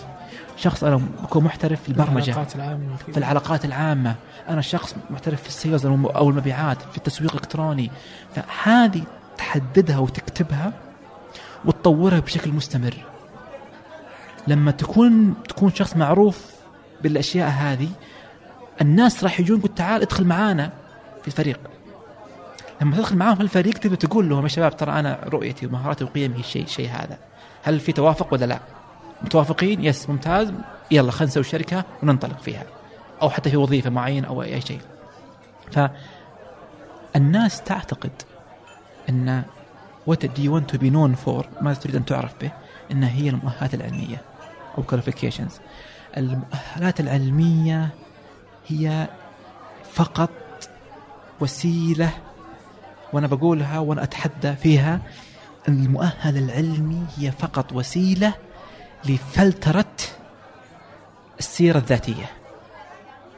فكر فيها.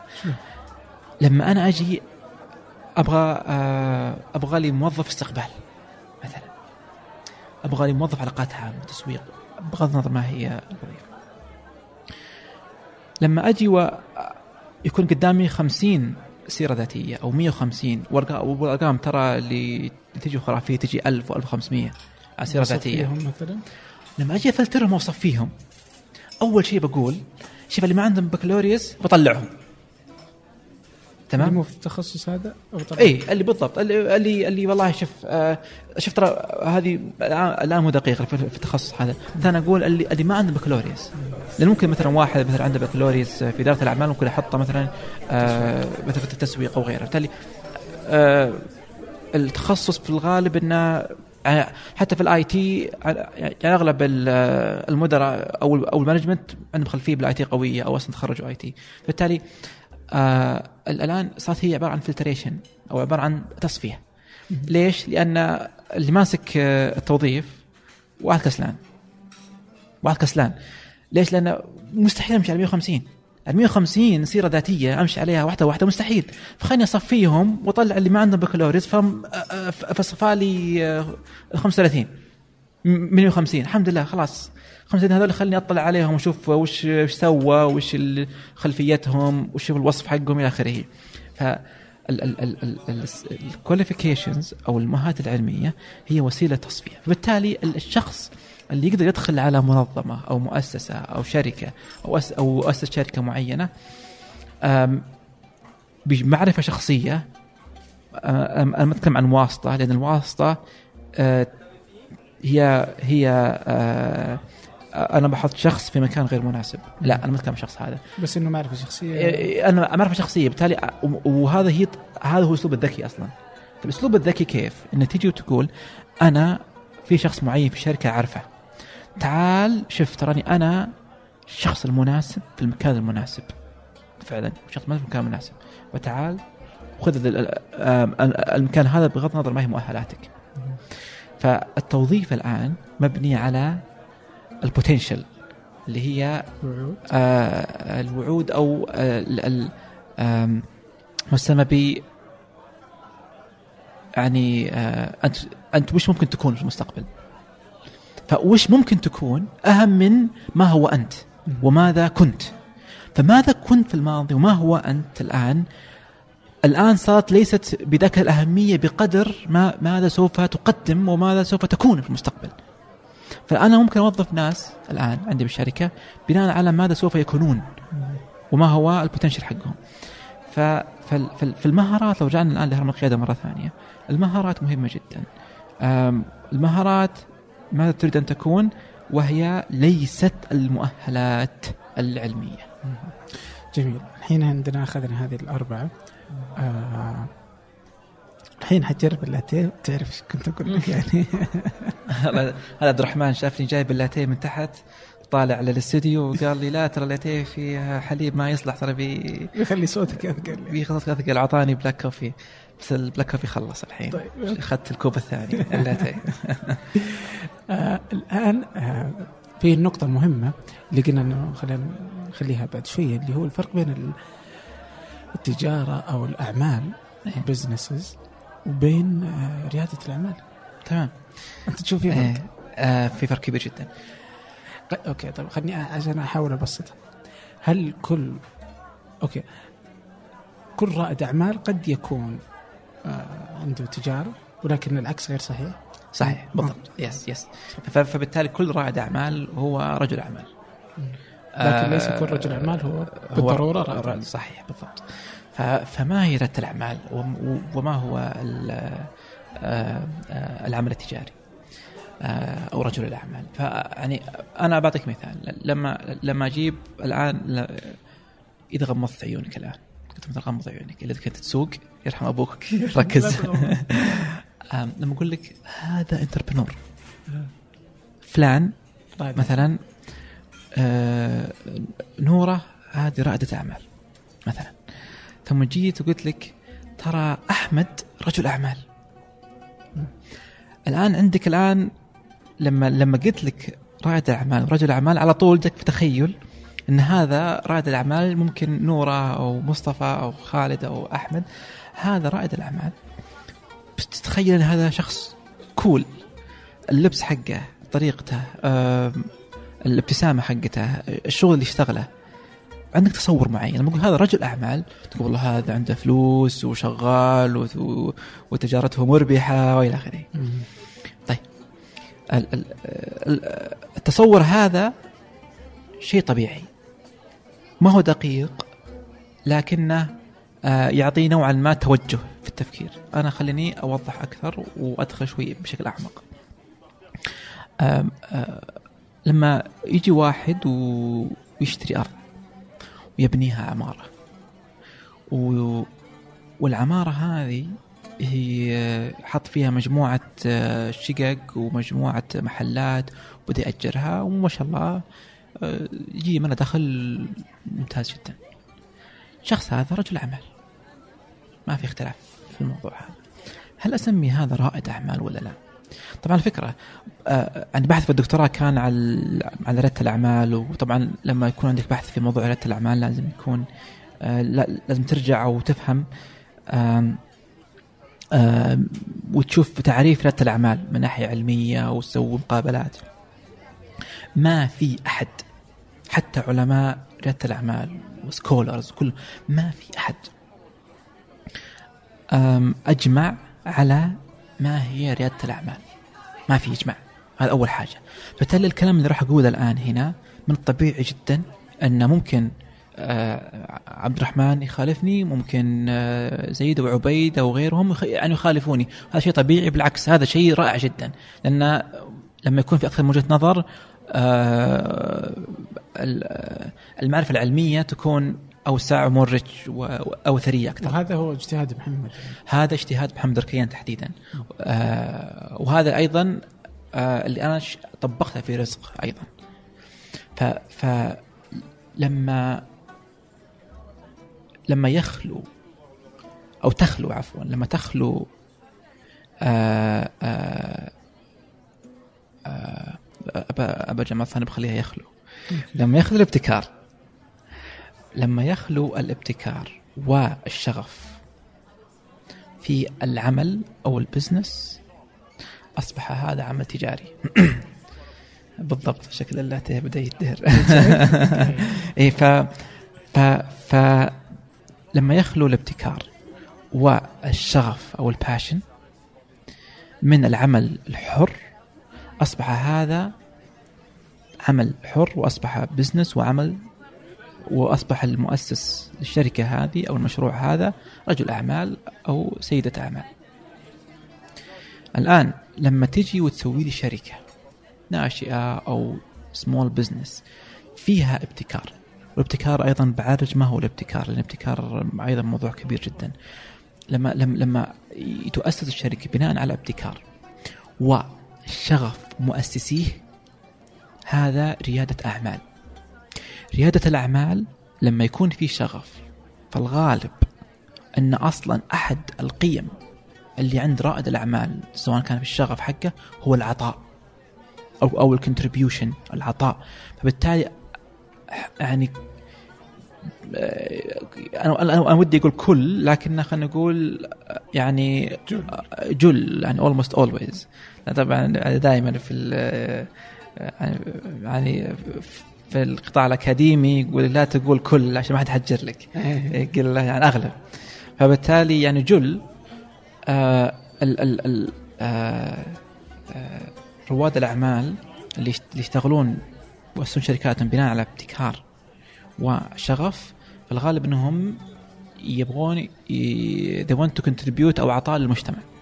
فبالتالي هذا السبب اللي أنا قلت إن social entrepreneur أو رياده الأعمال الاجتماعية ما ايد المصطلح هذا لأن كل ريادة أعمال هي اجتماعية. لأن أصلا العطاء موجود. الآن لما تيجي وتقول لي إن أنا قاعد اسست شركة بناء على ابتكار بناء على شغف وقاعد أعطي للمجتمع لكن ما في دخل. هو فقط عطاء. أنا أبغى أعطي. أصلا هذا مو شركة. أصلا هذا مو entrepreneur يعني ما دام منه ما في دخل ما دام منه ما في revenue model ما في أرباح هذا أصلا مو شركة ناشئة وهذا أصلا مو رياده أعمال. هذا إيش تصير؟ هذه أسميه آه أنت أوقفت وقتك أوقفت وقتك للمجتمع. وقف what وقف تمام؟ لطيف. إيه. فأنت أنا أوقفت وقتي للمجتمع وللناس وإني أنا بعطي الناس. بس لا تقول لي أنت رائد الأعمال أنت رائد أعمال. أنت رائد الأعمال أنت رائد أعمال. اذا اسست شركة بناء على ابتكار وشغف وتدخل منها فلوس. تمام؟ فبالتالي وهذا رجل الاعمال هو اللي يدخل فلوس بس. رجل اعمال شوف رجل اعمال ممكن خسران ممكن ربحان يدخل فلوس يدخل فلوس لكن الشركة اللي اسسها هذه شركة آه، آه، تقليدية نوعا ما ما فيها ابتكار وأيضا هو اسسها عشان الفلوس بس الدافع الأساسي فيه المال. فبالتالي ال- ال- من- من المهم جدا أن يعني مستمعيني آه، يعني يفهمون أن في فرق بين ريادة اعمال وأنا أسميها طقطقة. تمام؟ أو أو وقف للوقت. وقاعد طقطقة وتوقف وقتك وإلى آخره. هذا موضوع آخر. رزق أسست ليش؟ رزق. رزق أسست كيف إني أساعد الشباب اللي عندهم شغف. وعندهم عدم وضوح في الرؤية. والأفكار الريادية باني أقول لهم يا فلان يا علان انت خلينا نكتشف ما هو شغفك أول ونحط هرم القيادة اللي هي أربعة أشياء الأهداف القيم آه، آه، الرؤية الأهداف القيم والمهارات. ومن هنا نجي ونقول كيف انه نطلع منها فلوس to monetize it نطلع منها فلوس عن طريق العطاء للمجتمع. الآن خليني أقول لكم فلسفتي من ناحية من ناحية المال. هذه جدا مهمة آه، يفهمها الجميع. المال أو الفلوس هي أسلوب وطريقة لاختبار القيمة المقدمة. It's the way you test your value proposition. فالقيمة المقدمة لما تجي وتقول لي أنا شخص آه، أنا موقف وقتي. طيب يا فلان أنت موقف وقتك؟ هل أنت تعطي شيء فعلا للمجتمع؟ اي أنا أعطي شيء كبير والناس مستفيدين مني وناظر الناس وش يسوون ويشكروني. طيب لو قلت لهم ادفعوا لي 100 ادفعوا لي 100 ريال على اللي قدم لكم إياه بيدفعون ولا لا؟ بيقول لا ما راح يدفعون. إذا ما ما تقدم قيمة. يعني يعني مع احترامي الشديد they don't see value. ما يشوفون قيمة ما يشوفون إنك تسوى 100 ريال أصلا أنت يا فلان. المال هي أسلوب تقييم القيمة المقدمة للمجتمع. إذا قلت يا فلان عطني أنا بقدم لك كوب القهوة هذا. لاتيه ترى لاتيه للبيع الآن. بمقابل 35 ريال. طبعا أنا ممكن إني مثلا قاعد مثلا في اللوبي مثلا في الريتز كارلتون قاعد قالوا لي ترى خذ تفضل هذا كوب قهوة ب 35 ريال أدفعها. القيمة المقدمة هنا تسوى 35 الجلسة ال luxury أم أتموسفير آه، البيئة آه،. الفخمة إلى آخره. الجو العام أحيانا تكون حتى ريحة المحل وريحة القهوة وهذا تعطيك قيمة. طعم القهوة يعني. وطعم القهوة. بالضبط. فبالتالي هذه قيمة مقدمة. فأنا اخ- اختبرت القيمة وقلت لا ادفع 35 و- وفعلا دفعوا لي 35 الناس يدفعون 35 على القهوة هذه. أحيانا نفس الطعم أروح مكان ثاني أشتري 15 تمام؟ ليش؟ المحل اللي باع ب 15 هذا قهوه متخصصة. كراسي خشب طاوله خشب. مو بكنب وأدفع عليها مثلا 15 بدل 35 ليش؟ لأن آه، آه، القيمة المقدمه 15 مم. لما يقول يدفع 20 أقول له معصي. مع السلامة أمشي أطلع مع الباب. لأن القيمة ما, ما تسوى آه، ما تسوى آه، 20 ريال. ولو تروح مثلا دانكن دونتس 6 ريال 6 ريال. إيه وتخب. 6 تخب لو يقول يدفع 7 أقول له وين؟ صاحي والله ما أدفع. مثلا. لأنه القهوة أقل يعني. آه، بالضبط. فبالتالي في قيمه مقدمة. الآن لما آه، وهذا يعني آه، في شيئين هنا بقولهم وهي أن أول حاجة أنت يا رائد أعمال يا رائدة أعمال أنتم ما تبيعون منتجات ولا خدمات. مهم جدا. أنت ما تبيع منتج ولا خدمة. أنا لما أروح أشتري coffee من محل ألف أو من محل باء آه ال coffee هنا وال coffee هنا هو نفس المنتج نفس الطعام. فبالتالي أنا ما شريت المنتج أنا ما شريت coffee أنا ما شريت كرسي على الطيارة أنا ما شريت سيارة. كل هذه منتجات أو خدمات أنا شريت قيمة value عمليه التبادل اللي تصير بين رواد الأعمال؟ والسوق هي عملية تبادل قيمة بمال وليست منتج تقصد خدمة. بالقيمة؟ القيمة هي لما أجي أقول لك ليش؟ هي الإجابة على لماذا؟ ليش دفعت 15 ريال 35 100 ريال على القهوة هذه؟ لماذا؟ الإجابة على لماذا هي القيمة؟ طبعا الموضوع القيمة على فكرة يعني ترى الموضوع عميق جدا جدا جدا عميق. وصعب فهمه إلا اللي طبقه فعلا ودخل السوق القيمة أو ال value آه طبعا هذا غير ال core values عشان ما نخلط. هذا قيمة آه عن قيمة المنتجات والخدمات في الشركة. ف, ف, ف آه، هي القيمة اللي يراها السوق. السوق هل يرى إن ال- الخدمة هذه تدريب استشارة تصوير المكيف نفسه هل هو يسوى المبلغ هذا ولا يسوى 10000 ولا ما يسوى 10000 فالقيمة هي إجابة على لماذا؟ والله لأنه مميز لأنه يبرد بسرعة لأنه ما يخرب لأنه على ضمان مدى الحياة. في مجموعة كذا قيم مجموعة أسباب لماذا؟ القيم هذه هي اللي تخلي الناس يدفعون فلوس وليس المنتج نفسه. أنا بعطيك مثال. طالب. تجي الطالب تقول له اشتري كتاب ب 25 ريال. ك- والله يا أستاذ ما عندي فلوس. أنا طالب مسكين. آه، زي ما حلال اشتري والله ما عندي ما أقدر تحاول تقنع فيه. وتلقى أصلا يروح آه، لخدمات الطلاب يمر القويفل عندنا في الملك سعود ويصور ب 20 ريال. التصوير ب 20 والكتاب 25 زد خمسة يا ابن الحلال خذ لي كتاب. لا، ما- متى يوصل لي الكتاب؟ بطلع من أطلبه من أمازون ولا ممر جرير جرير بعيد يعني. بالتالي الطلاب لا يرون قيمة في الكتاب. لكن لما تقول اشتري لك آيفون ب 3000 يشتري. إي موجود عندي. يعفو عليك. أدبر أبوها. ليش؟ قيمة. هو صح هو هو يقول ما عندي فلوس. هو صح هو ما عنده فلوس. للكتاب هذا. لكن تقول له آيفون 3000 ولا جلاكسي آه سامسونج جلاكسي إي شوف شلون آه الجلاكسي أغلبه شاشة ما في آه، زر تحت. والآيفون ال8 يعني بيطلع إن شاء الله قريبا ما في زر بعد تحت. وكله جاي كله شاشة. آه الآن تعرفون إن إحنا أول بودكاست أعلمكم وش الآيفون 8 قبل لا ينزل. فبالتالي يعني آه، هنا بالطريقة هذه أنت صرت تقدر تبيع حتى على الناس اللي ما عندهم فلوس.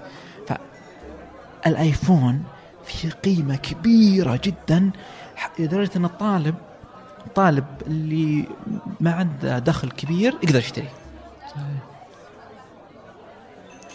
يعني يعني حتى بقتبس شيء من آه، مقدمة كتابك. إيش بتسميه؟ قررت تسميه؟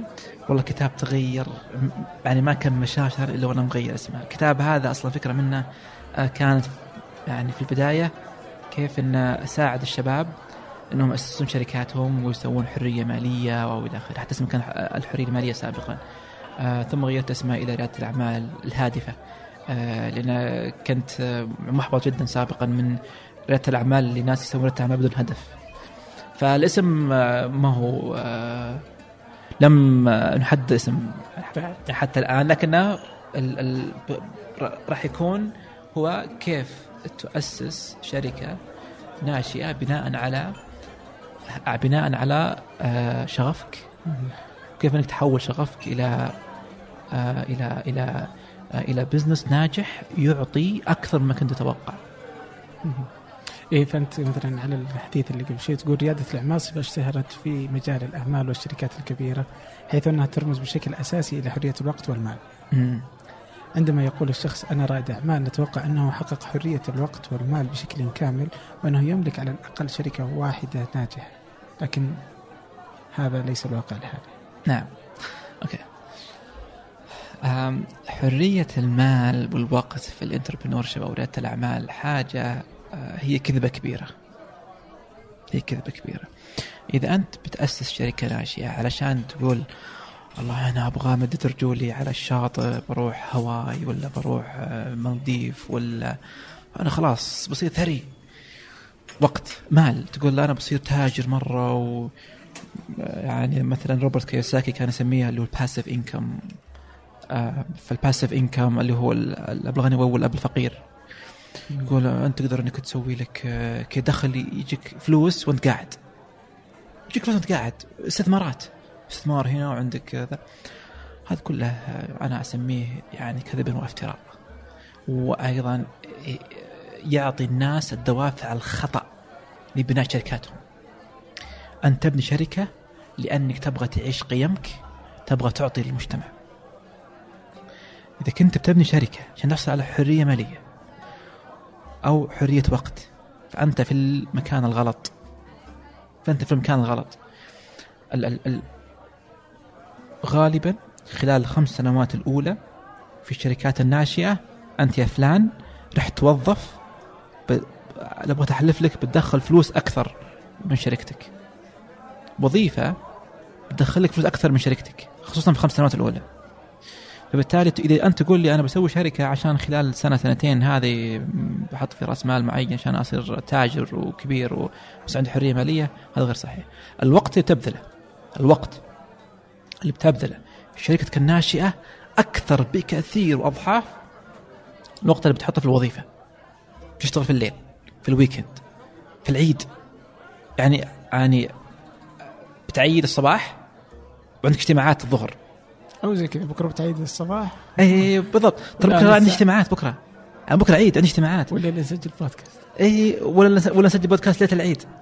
يعني مثل الآن. بالتالي يعني أنت يعني حرية المال وحريه الوقت آه لازم ما تكون هي الدافع لإنشاء شركاتك آه، آه، الناشئة أو الشركات الخاصة. إيه لا أتفق تماما. يعني هي حتى الجهد والجهد الذهني وكل الأفكار هذه يعني الوظيفه أسهل بكثير من هذا الموضوع يعني. وقد تكون إنك مجرد إنك تسوي اللي يطلبه منك الآخر يعني وتاخذ أيوه. فلوسك مقابلها. عكس إنه هنا أنت ملزم بإنك تدير من معك وتدير المشروع وتجلس ليلا نهارا يعني على كثير من إيه. من الأشياء يعني. وإنه مجرد إنك تقول أنا أتوقف قد تتوقف كثير من الأمور يعني. عكس الوظيفة. ليش أو آه، ما هي الأشياء اللي تخلي رائد الأعمال يكمل؟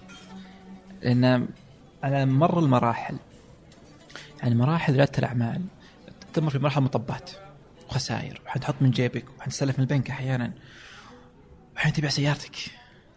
يعني آه، في أمثلة كثيرة صارت. آه، وحين تطلع من بيتك تروح شقة. ال ال وش اللي يخليك تسوي الشغل الشغل هذا كله وتكمل؟ وتكمل وتكمل وتكمل وتكمل. اللي يخليك تكمل هو هرم القيادة. إذا عندك وضوح في الرؤية أنت وين متجه؟ إذا أنت عندك اهداف تحققها. إذا أنت قاعد تعيش قيمك بشكل مستمر وأنت عارف كل يوم كل يوم في الشركة هذه قاعد تطور مهاراتك وقاعد تحترف أكثر وأكثر وأكثر وأكثر. أنت لما يكون عندك وضوح في هرم القيادة الآن بالطريقة هذه تقدر إنك تكمل في الشركة هذه لسنين بغض النظر كم مطب يجيك. أنا كنت حسألك نفس السؤال إنه كيف تتابع على إنك تصل لأهدافك وتحقق ما تريد ان يعني مع المطبات والصعاب؟ آه لكن بما إنك أنت جبته أنا ودي إني أروح للنجاح. يعني كثير من التعريفات اللي قبل شوي مثلا ريادة الأعمال ولا آه ولا أي يعني إنها مثلا لا تزال فضفاضة يعني آه أعتقد إن النجاح هو الأكثر كذا مره التعريف الأكثر فضفوضيا يعني مم. كيف تعريف النجاح عند محمد؟ طيب قبل أقول لك وش تعريف النجاح لمحمد خلينا نقول لك وش وش النجاح أصلا يعني خلينا نتكلم عن النجاح ثم نتكلم عن النجاح بالنسبة لمحمد الركيان النجاح آه يعني آه مهم جدا إن كل شخص يعرف النجاح بالنسبة له شخصيا. لا يعني آه لا تتبنى. لا تتبنى. أنا ركز النقطة هذه لأنها النقطة هذه يعني تثير آه عندي أشياء كثيرة مرة أنا أعصب منها. لا تتبنى تعريف نجاح الآخرين. لا تتبنى تعريف نجاح الآخرين. لا تقول فلان بالنسبة له أبوي أمي أخوي رئيسي يقول لي سو كذا كذا كذا عشان تنجح أو هذا هو النجاح. لا تجي تقول ترى أنت خرجت من الجامعة تنجح. لا تقول إذا أنت وظفت في الوظيفة الفلانية هذا النجاح. لا لا تت- تتبنى. دونت اداب لا تتبنى تعريف الآخرين للنجاح. لا تقول أعطوني. علموني وش النجاح. عرف النجاح لك أنت شخصيا. قل ما هو النجاح بالنسبة لي أنا؟ اذا إذا ما هو الشيء الذي إذا وصلت إليه؟ أو الشيء اذا إذا أنا عشته. راح أكون ناجح فيه. أنا أنا قلت حاجة وأنا بتراجع عنها وهي إذا وصلت له. النجاح هو ليست وصول. النجاح ليس هدف. هذه هذه نقطة جدا مهمة. النجاح ليس هدف. إذا كان النجاح هدف وش اللي بيصير؟ إذا النجاح هدف معناته إنك أنت تعيس إلين تحقق النجاح ثم تصير سعيد. آه. أنا قاعد أشتغل اليوم وراسي مصدع و... وأشتغل واكرف واكرف وأكرف عشان إيش أحقق النجاح. النجاح هي رحلة هي journey هي رحلة. مجرد ما تستوعب النقطة هذه إن النجاح عبارة عن رحلة ليس journey not a goal هي رحلة وليست هدف. راح تقول okay أنا الآن اليوم شخصية ناجحة. اليوم أنا شخصية ناجحة. ليش؟ لأني أنا قاعد أنا ماشي في رحلة النجاح. بسميها رحلة نجاح وليس هدف للنجاح. فاول ما تقول أنا أسري وماشي في الرحلة هذه رحلة النجاح أنت الآن بالطريقة هذه تجي وتقول أنا سعيد اليوم أنا سعيد اليوم لأني شخص ناجح. لما تحط هدف مثلا شهادة ماستر شهادة بكالوريوس شهادة دكتوراه وظيفة ك ك كهدف للنجاح. معناته إنك أنت أجلت السعادة خمس سنوات. أربع سنوات ثمان سنوات وهذا مصيبة كبيرة لأن بيطلع في راسك الشيب وبتكون علاقاتك سيئة مع اللي حولك مع آه، زوجك وزوجتك مع أبنائك ليش؟ تقول أنا أبغى أنجح في أسرع وقت ممكن وكيف اخلي النجاح جزء من يومي؟ ممتاز. كيف أخليه رحلة؟ مرة ثانية هرم القيادة الآن لما تجي وتقول أنا اليوم قاعد أحقق الأربع أشياء هذه. أنا اليوم سويت أو آه، أخذت خطوة خطوة بسيطة لتحقيق الرؤية حقتي ال passion حقي أو حل مشكلة موجودة في العالم أو في الوطن أو إلى آخره. لا لما تقول أنا الآن سو حققت الهدف اليوم حققت هدف الشهر أو حققت هدف الس- السنة. لما تجي وتقول إني أنا قاعد اليوم أعيش قيمي بشكل مستمر وتجي تقول إن اليوم تعلمت بالممارسة أفضل من الأيام الماضية. الآن تجي وتقول أنا الآن شخصية ناجحة لأني قاعد أعيش الرؤيه والأهداف والقيم والمهارات. فإذا عشان كذا دائما أنا أقول إذا عندك ورقة وقلم تقدر توقف وتكتب اكتبها سوها. هذا بتحد بتخليك تعيش بتخليك ست- ستعرف إنك أنت في مسيرة النجاح انك شخصية ناجحة. راح تعرف إنك إنك ما هي القرارات اللي تتخذها. راح تعرف هل أنت تسوي شركة أو تنضم لشركة وما هو الأثر الأكبر لك في أي مكان.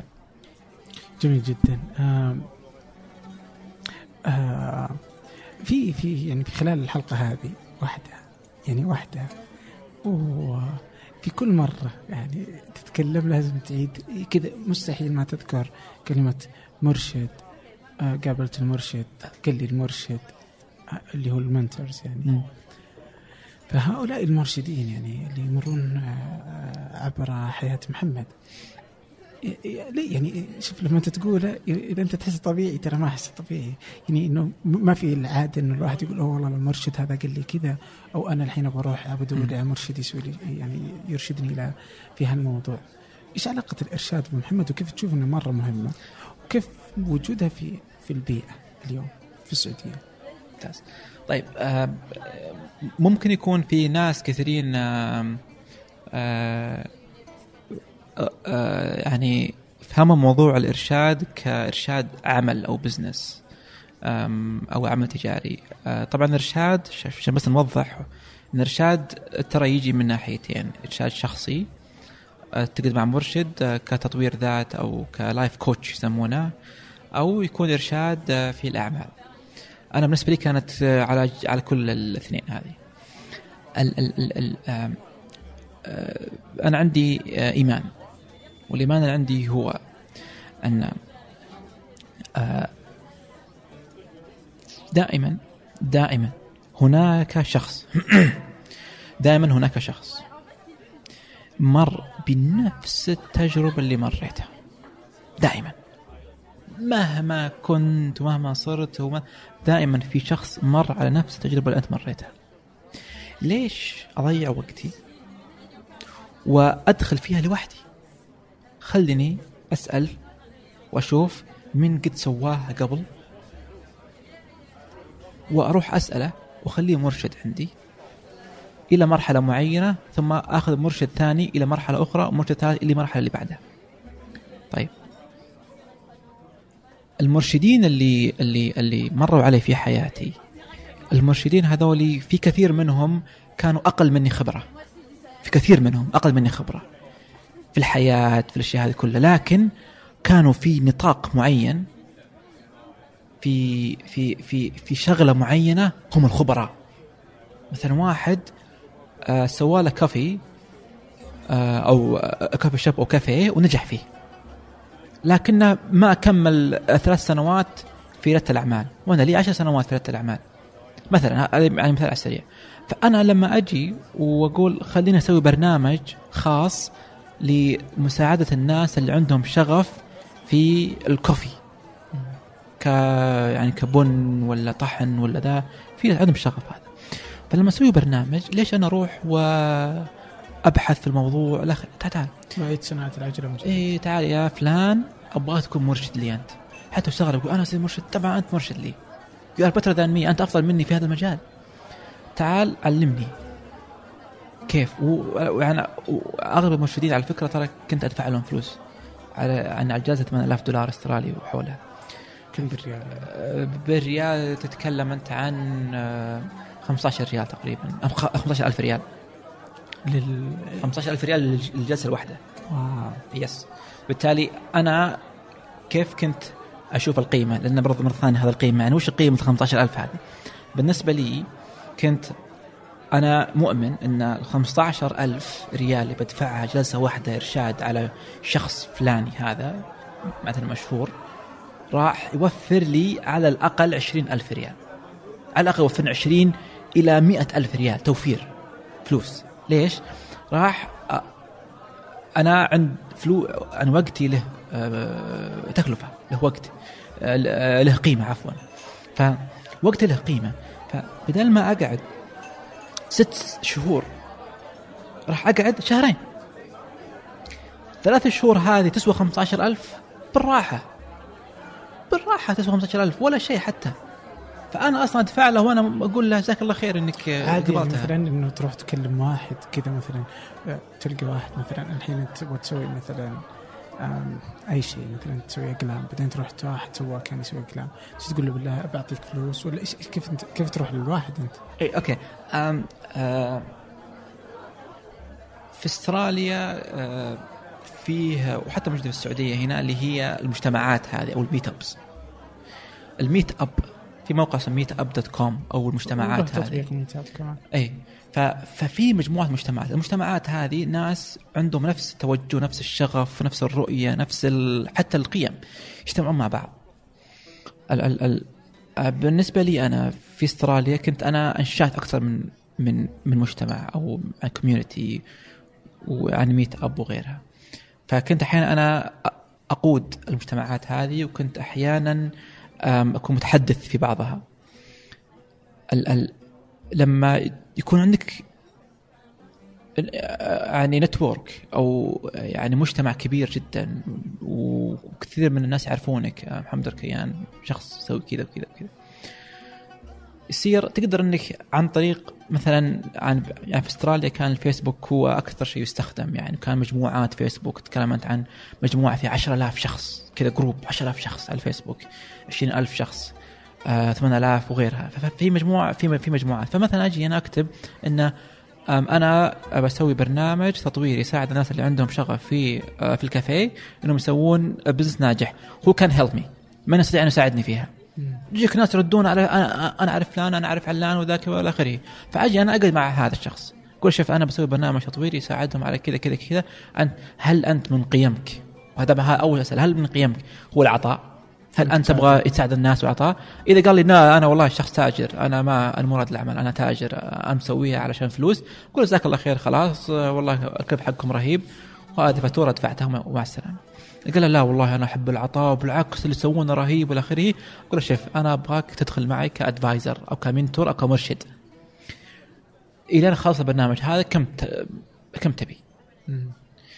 في كثير من الناس أصلا يقول لا أنا ما أبي شيء ابدا أنا بساعدك وبعطيك. أنا أؤمن بانه أدفع للشخص ليش؟ لما أدفع للشخص آه راح يشعر بأني أعطيته قيمة ودائما أقول فلوس هي وسيلة ل آه، تو آه، لإظهار القيمة اللي يقدمها لك الشخص الآخر. قول لا تشوف لا تقول لي بلاش ولا شيء كل شيء بحقه. أنت ساعدتني والله أنت اللي ساعدتني هذا سويت برنامج البرنامج هذا آه، يعني راح يساعدني في بيع مثلا آه، الكورس هذا على مدى السنتين القادمات مليون ريال. راح يجيب لي برامج مليون ريال. تعال خذ خمسين ألف هذه لك. من الآن مثلا. خمسين ألف كاش مثلا. تعال ساعدني فيها.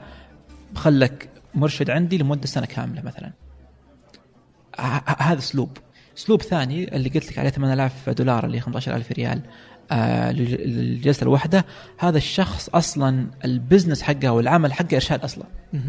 فهو شخص يقول اللي ترى اللي يبغى يجيني يعني كمستشار تقريبا فاللي يبغى يأخذ عندي جلسة يدفع لي آه، المبلغ الفلاني أو يقعد عندي. ففي نوعين. نوع إنه شخص أصلا مو مرشد لكن أنا عن له الا تعال أنت والله أتاك مرشد رهيب تعال ادخل معي. وشخص آخر اللي أصلا العمل حقه ال business حقه هو أصلا إرشاد. واتوقع يعني مثلا يمكن في السعودية مثلا إذا جينا عشان بس يعني أحس إنه يعني مثل ما في فيسبوك ما في مدري وش زي. كذا. جاب بالي الحين أطول فارس الشريف يعني. علو. علو. أحسنت. يعني علو أتوقع ممكن يعني عنده ما شاء الله لا إله إلا الله قاعدة بيانات ضخمة من المرشدين اللي صحيح. موجودين في السعودية. آه وممكن يتواصلون معهم. برضو بحط الرابط لهم. آه أنا. اي أنا أنا شخصيا محمد ركيان مرشد في علو. ف ف آه، فارس الشريف صديق عزيز واشتغلنا يعني سوا يعني أم, على مستوى رزق حتى عندنا شراكات على مستوى رزق آه، مع علو. ال آه، في في علو اللي يميز علو في الإرشاد إنه ان إن عملهم احترافي. احترافي في التعامل احترافي حتى في الجلسات في المتابعه وإلى آخره. آه العلو يجي ويقول مثلا أنت يا فلان ال- ال business حقك أو العمل حقك في أي نطاق أو في أي domain. أو مم. مثلا مثلا أنت آه، في التقنيه أو أنت مثلا في الكافيه أو أنت آه، مثلا في الخدمات في التدريب في استشارات. يجي يشوف المرشد المناسب لك. بالإضافة إلى أي مرحلة أنت فيها. مبكرة في الفكرة متأخرة عندك مشاكل في ال business في العمل تبغى تتوسع. فيربطك مع شخص فعلا يقدر يساعدك في أي مرحلة أنت وفي أي نطاق أنت. لا لا لا يعني جميلين وهذا ليس اعلانا ولا شيء. إيه. إنما يعني يقدمون الكثير اللي يستحقون آه انه الناس تعرفهم أكثر. كذلك رزق يعني. يعني أنا في رسالة المعهد يعني معهد رزق يعني جزء من إيه. رزق. اي نعم. وتكتب يعني إنه أنتم حولتوها من تمكين رواد الأعمال من النهوض بالأمة. إلى تحفيز وتمكين الشباب للنجاح في الحياة والعمل. آه يعني وكذلك رزق يعني تستحق الواحد إنه برضه يأخذ جولة في في الموقع الحين اللي يبغى يوصل للرزق كيف ممكن يوصل؟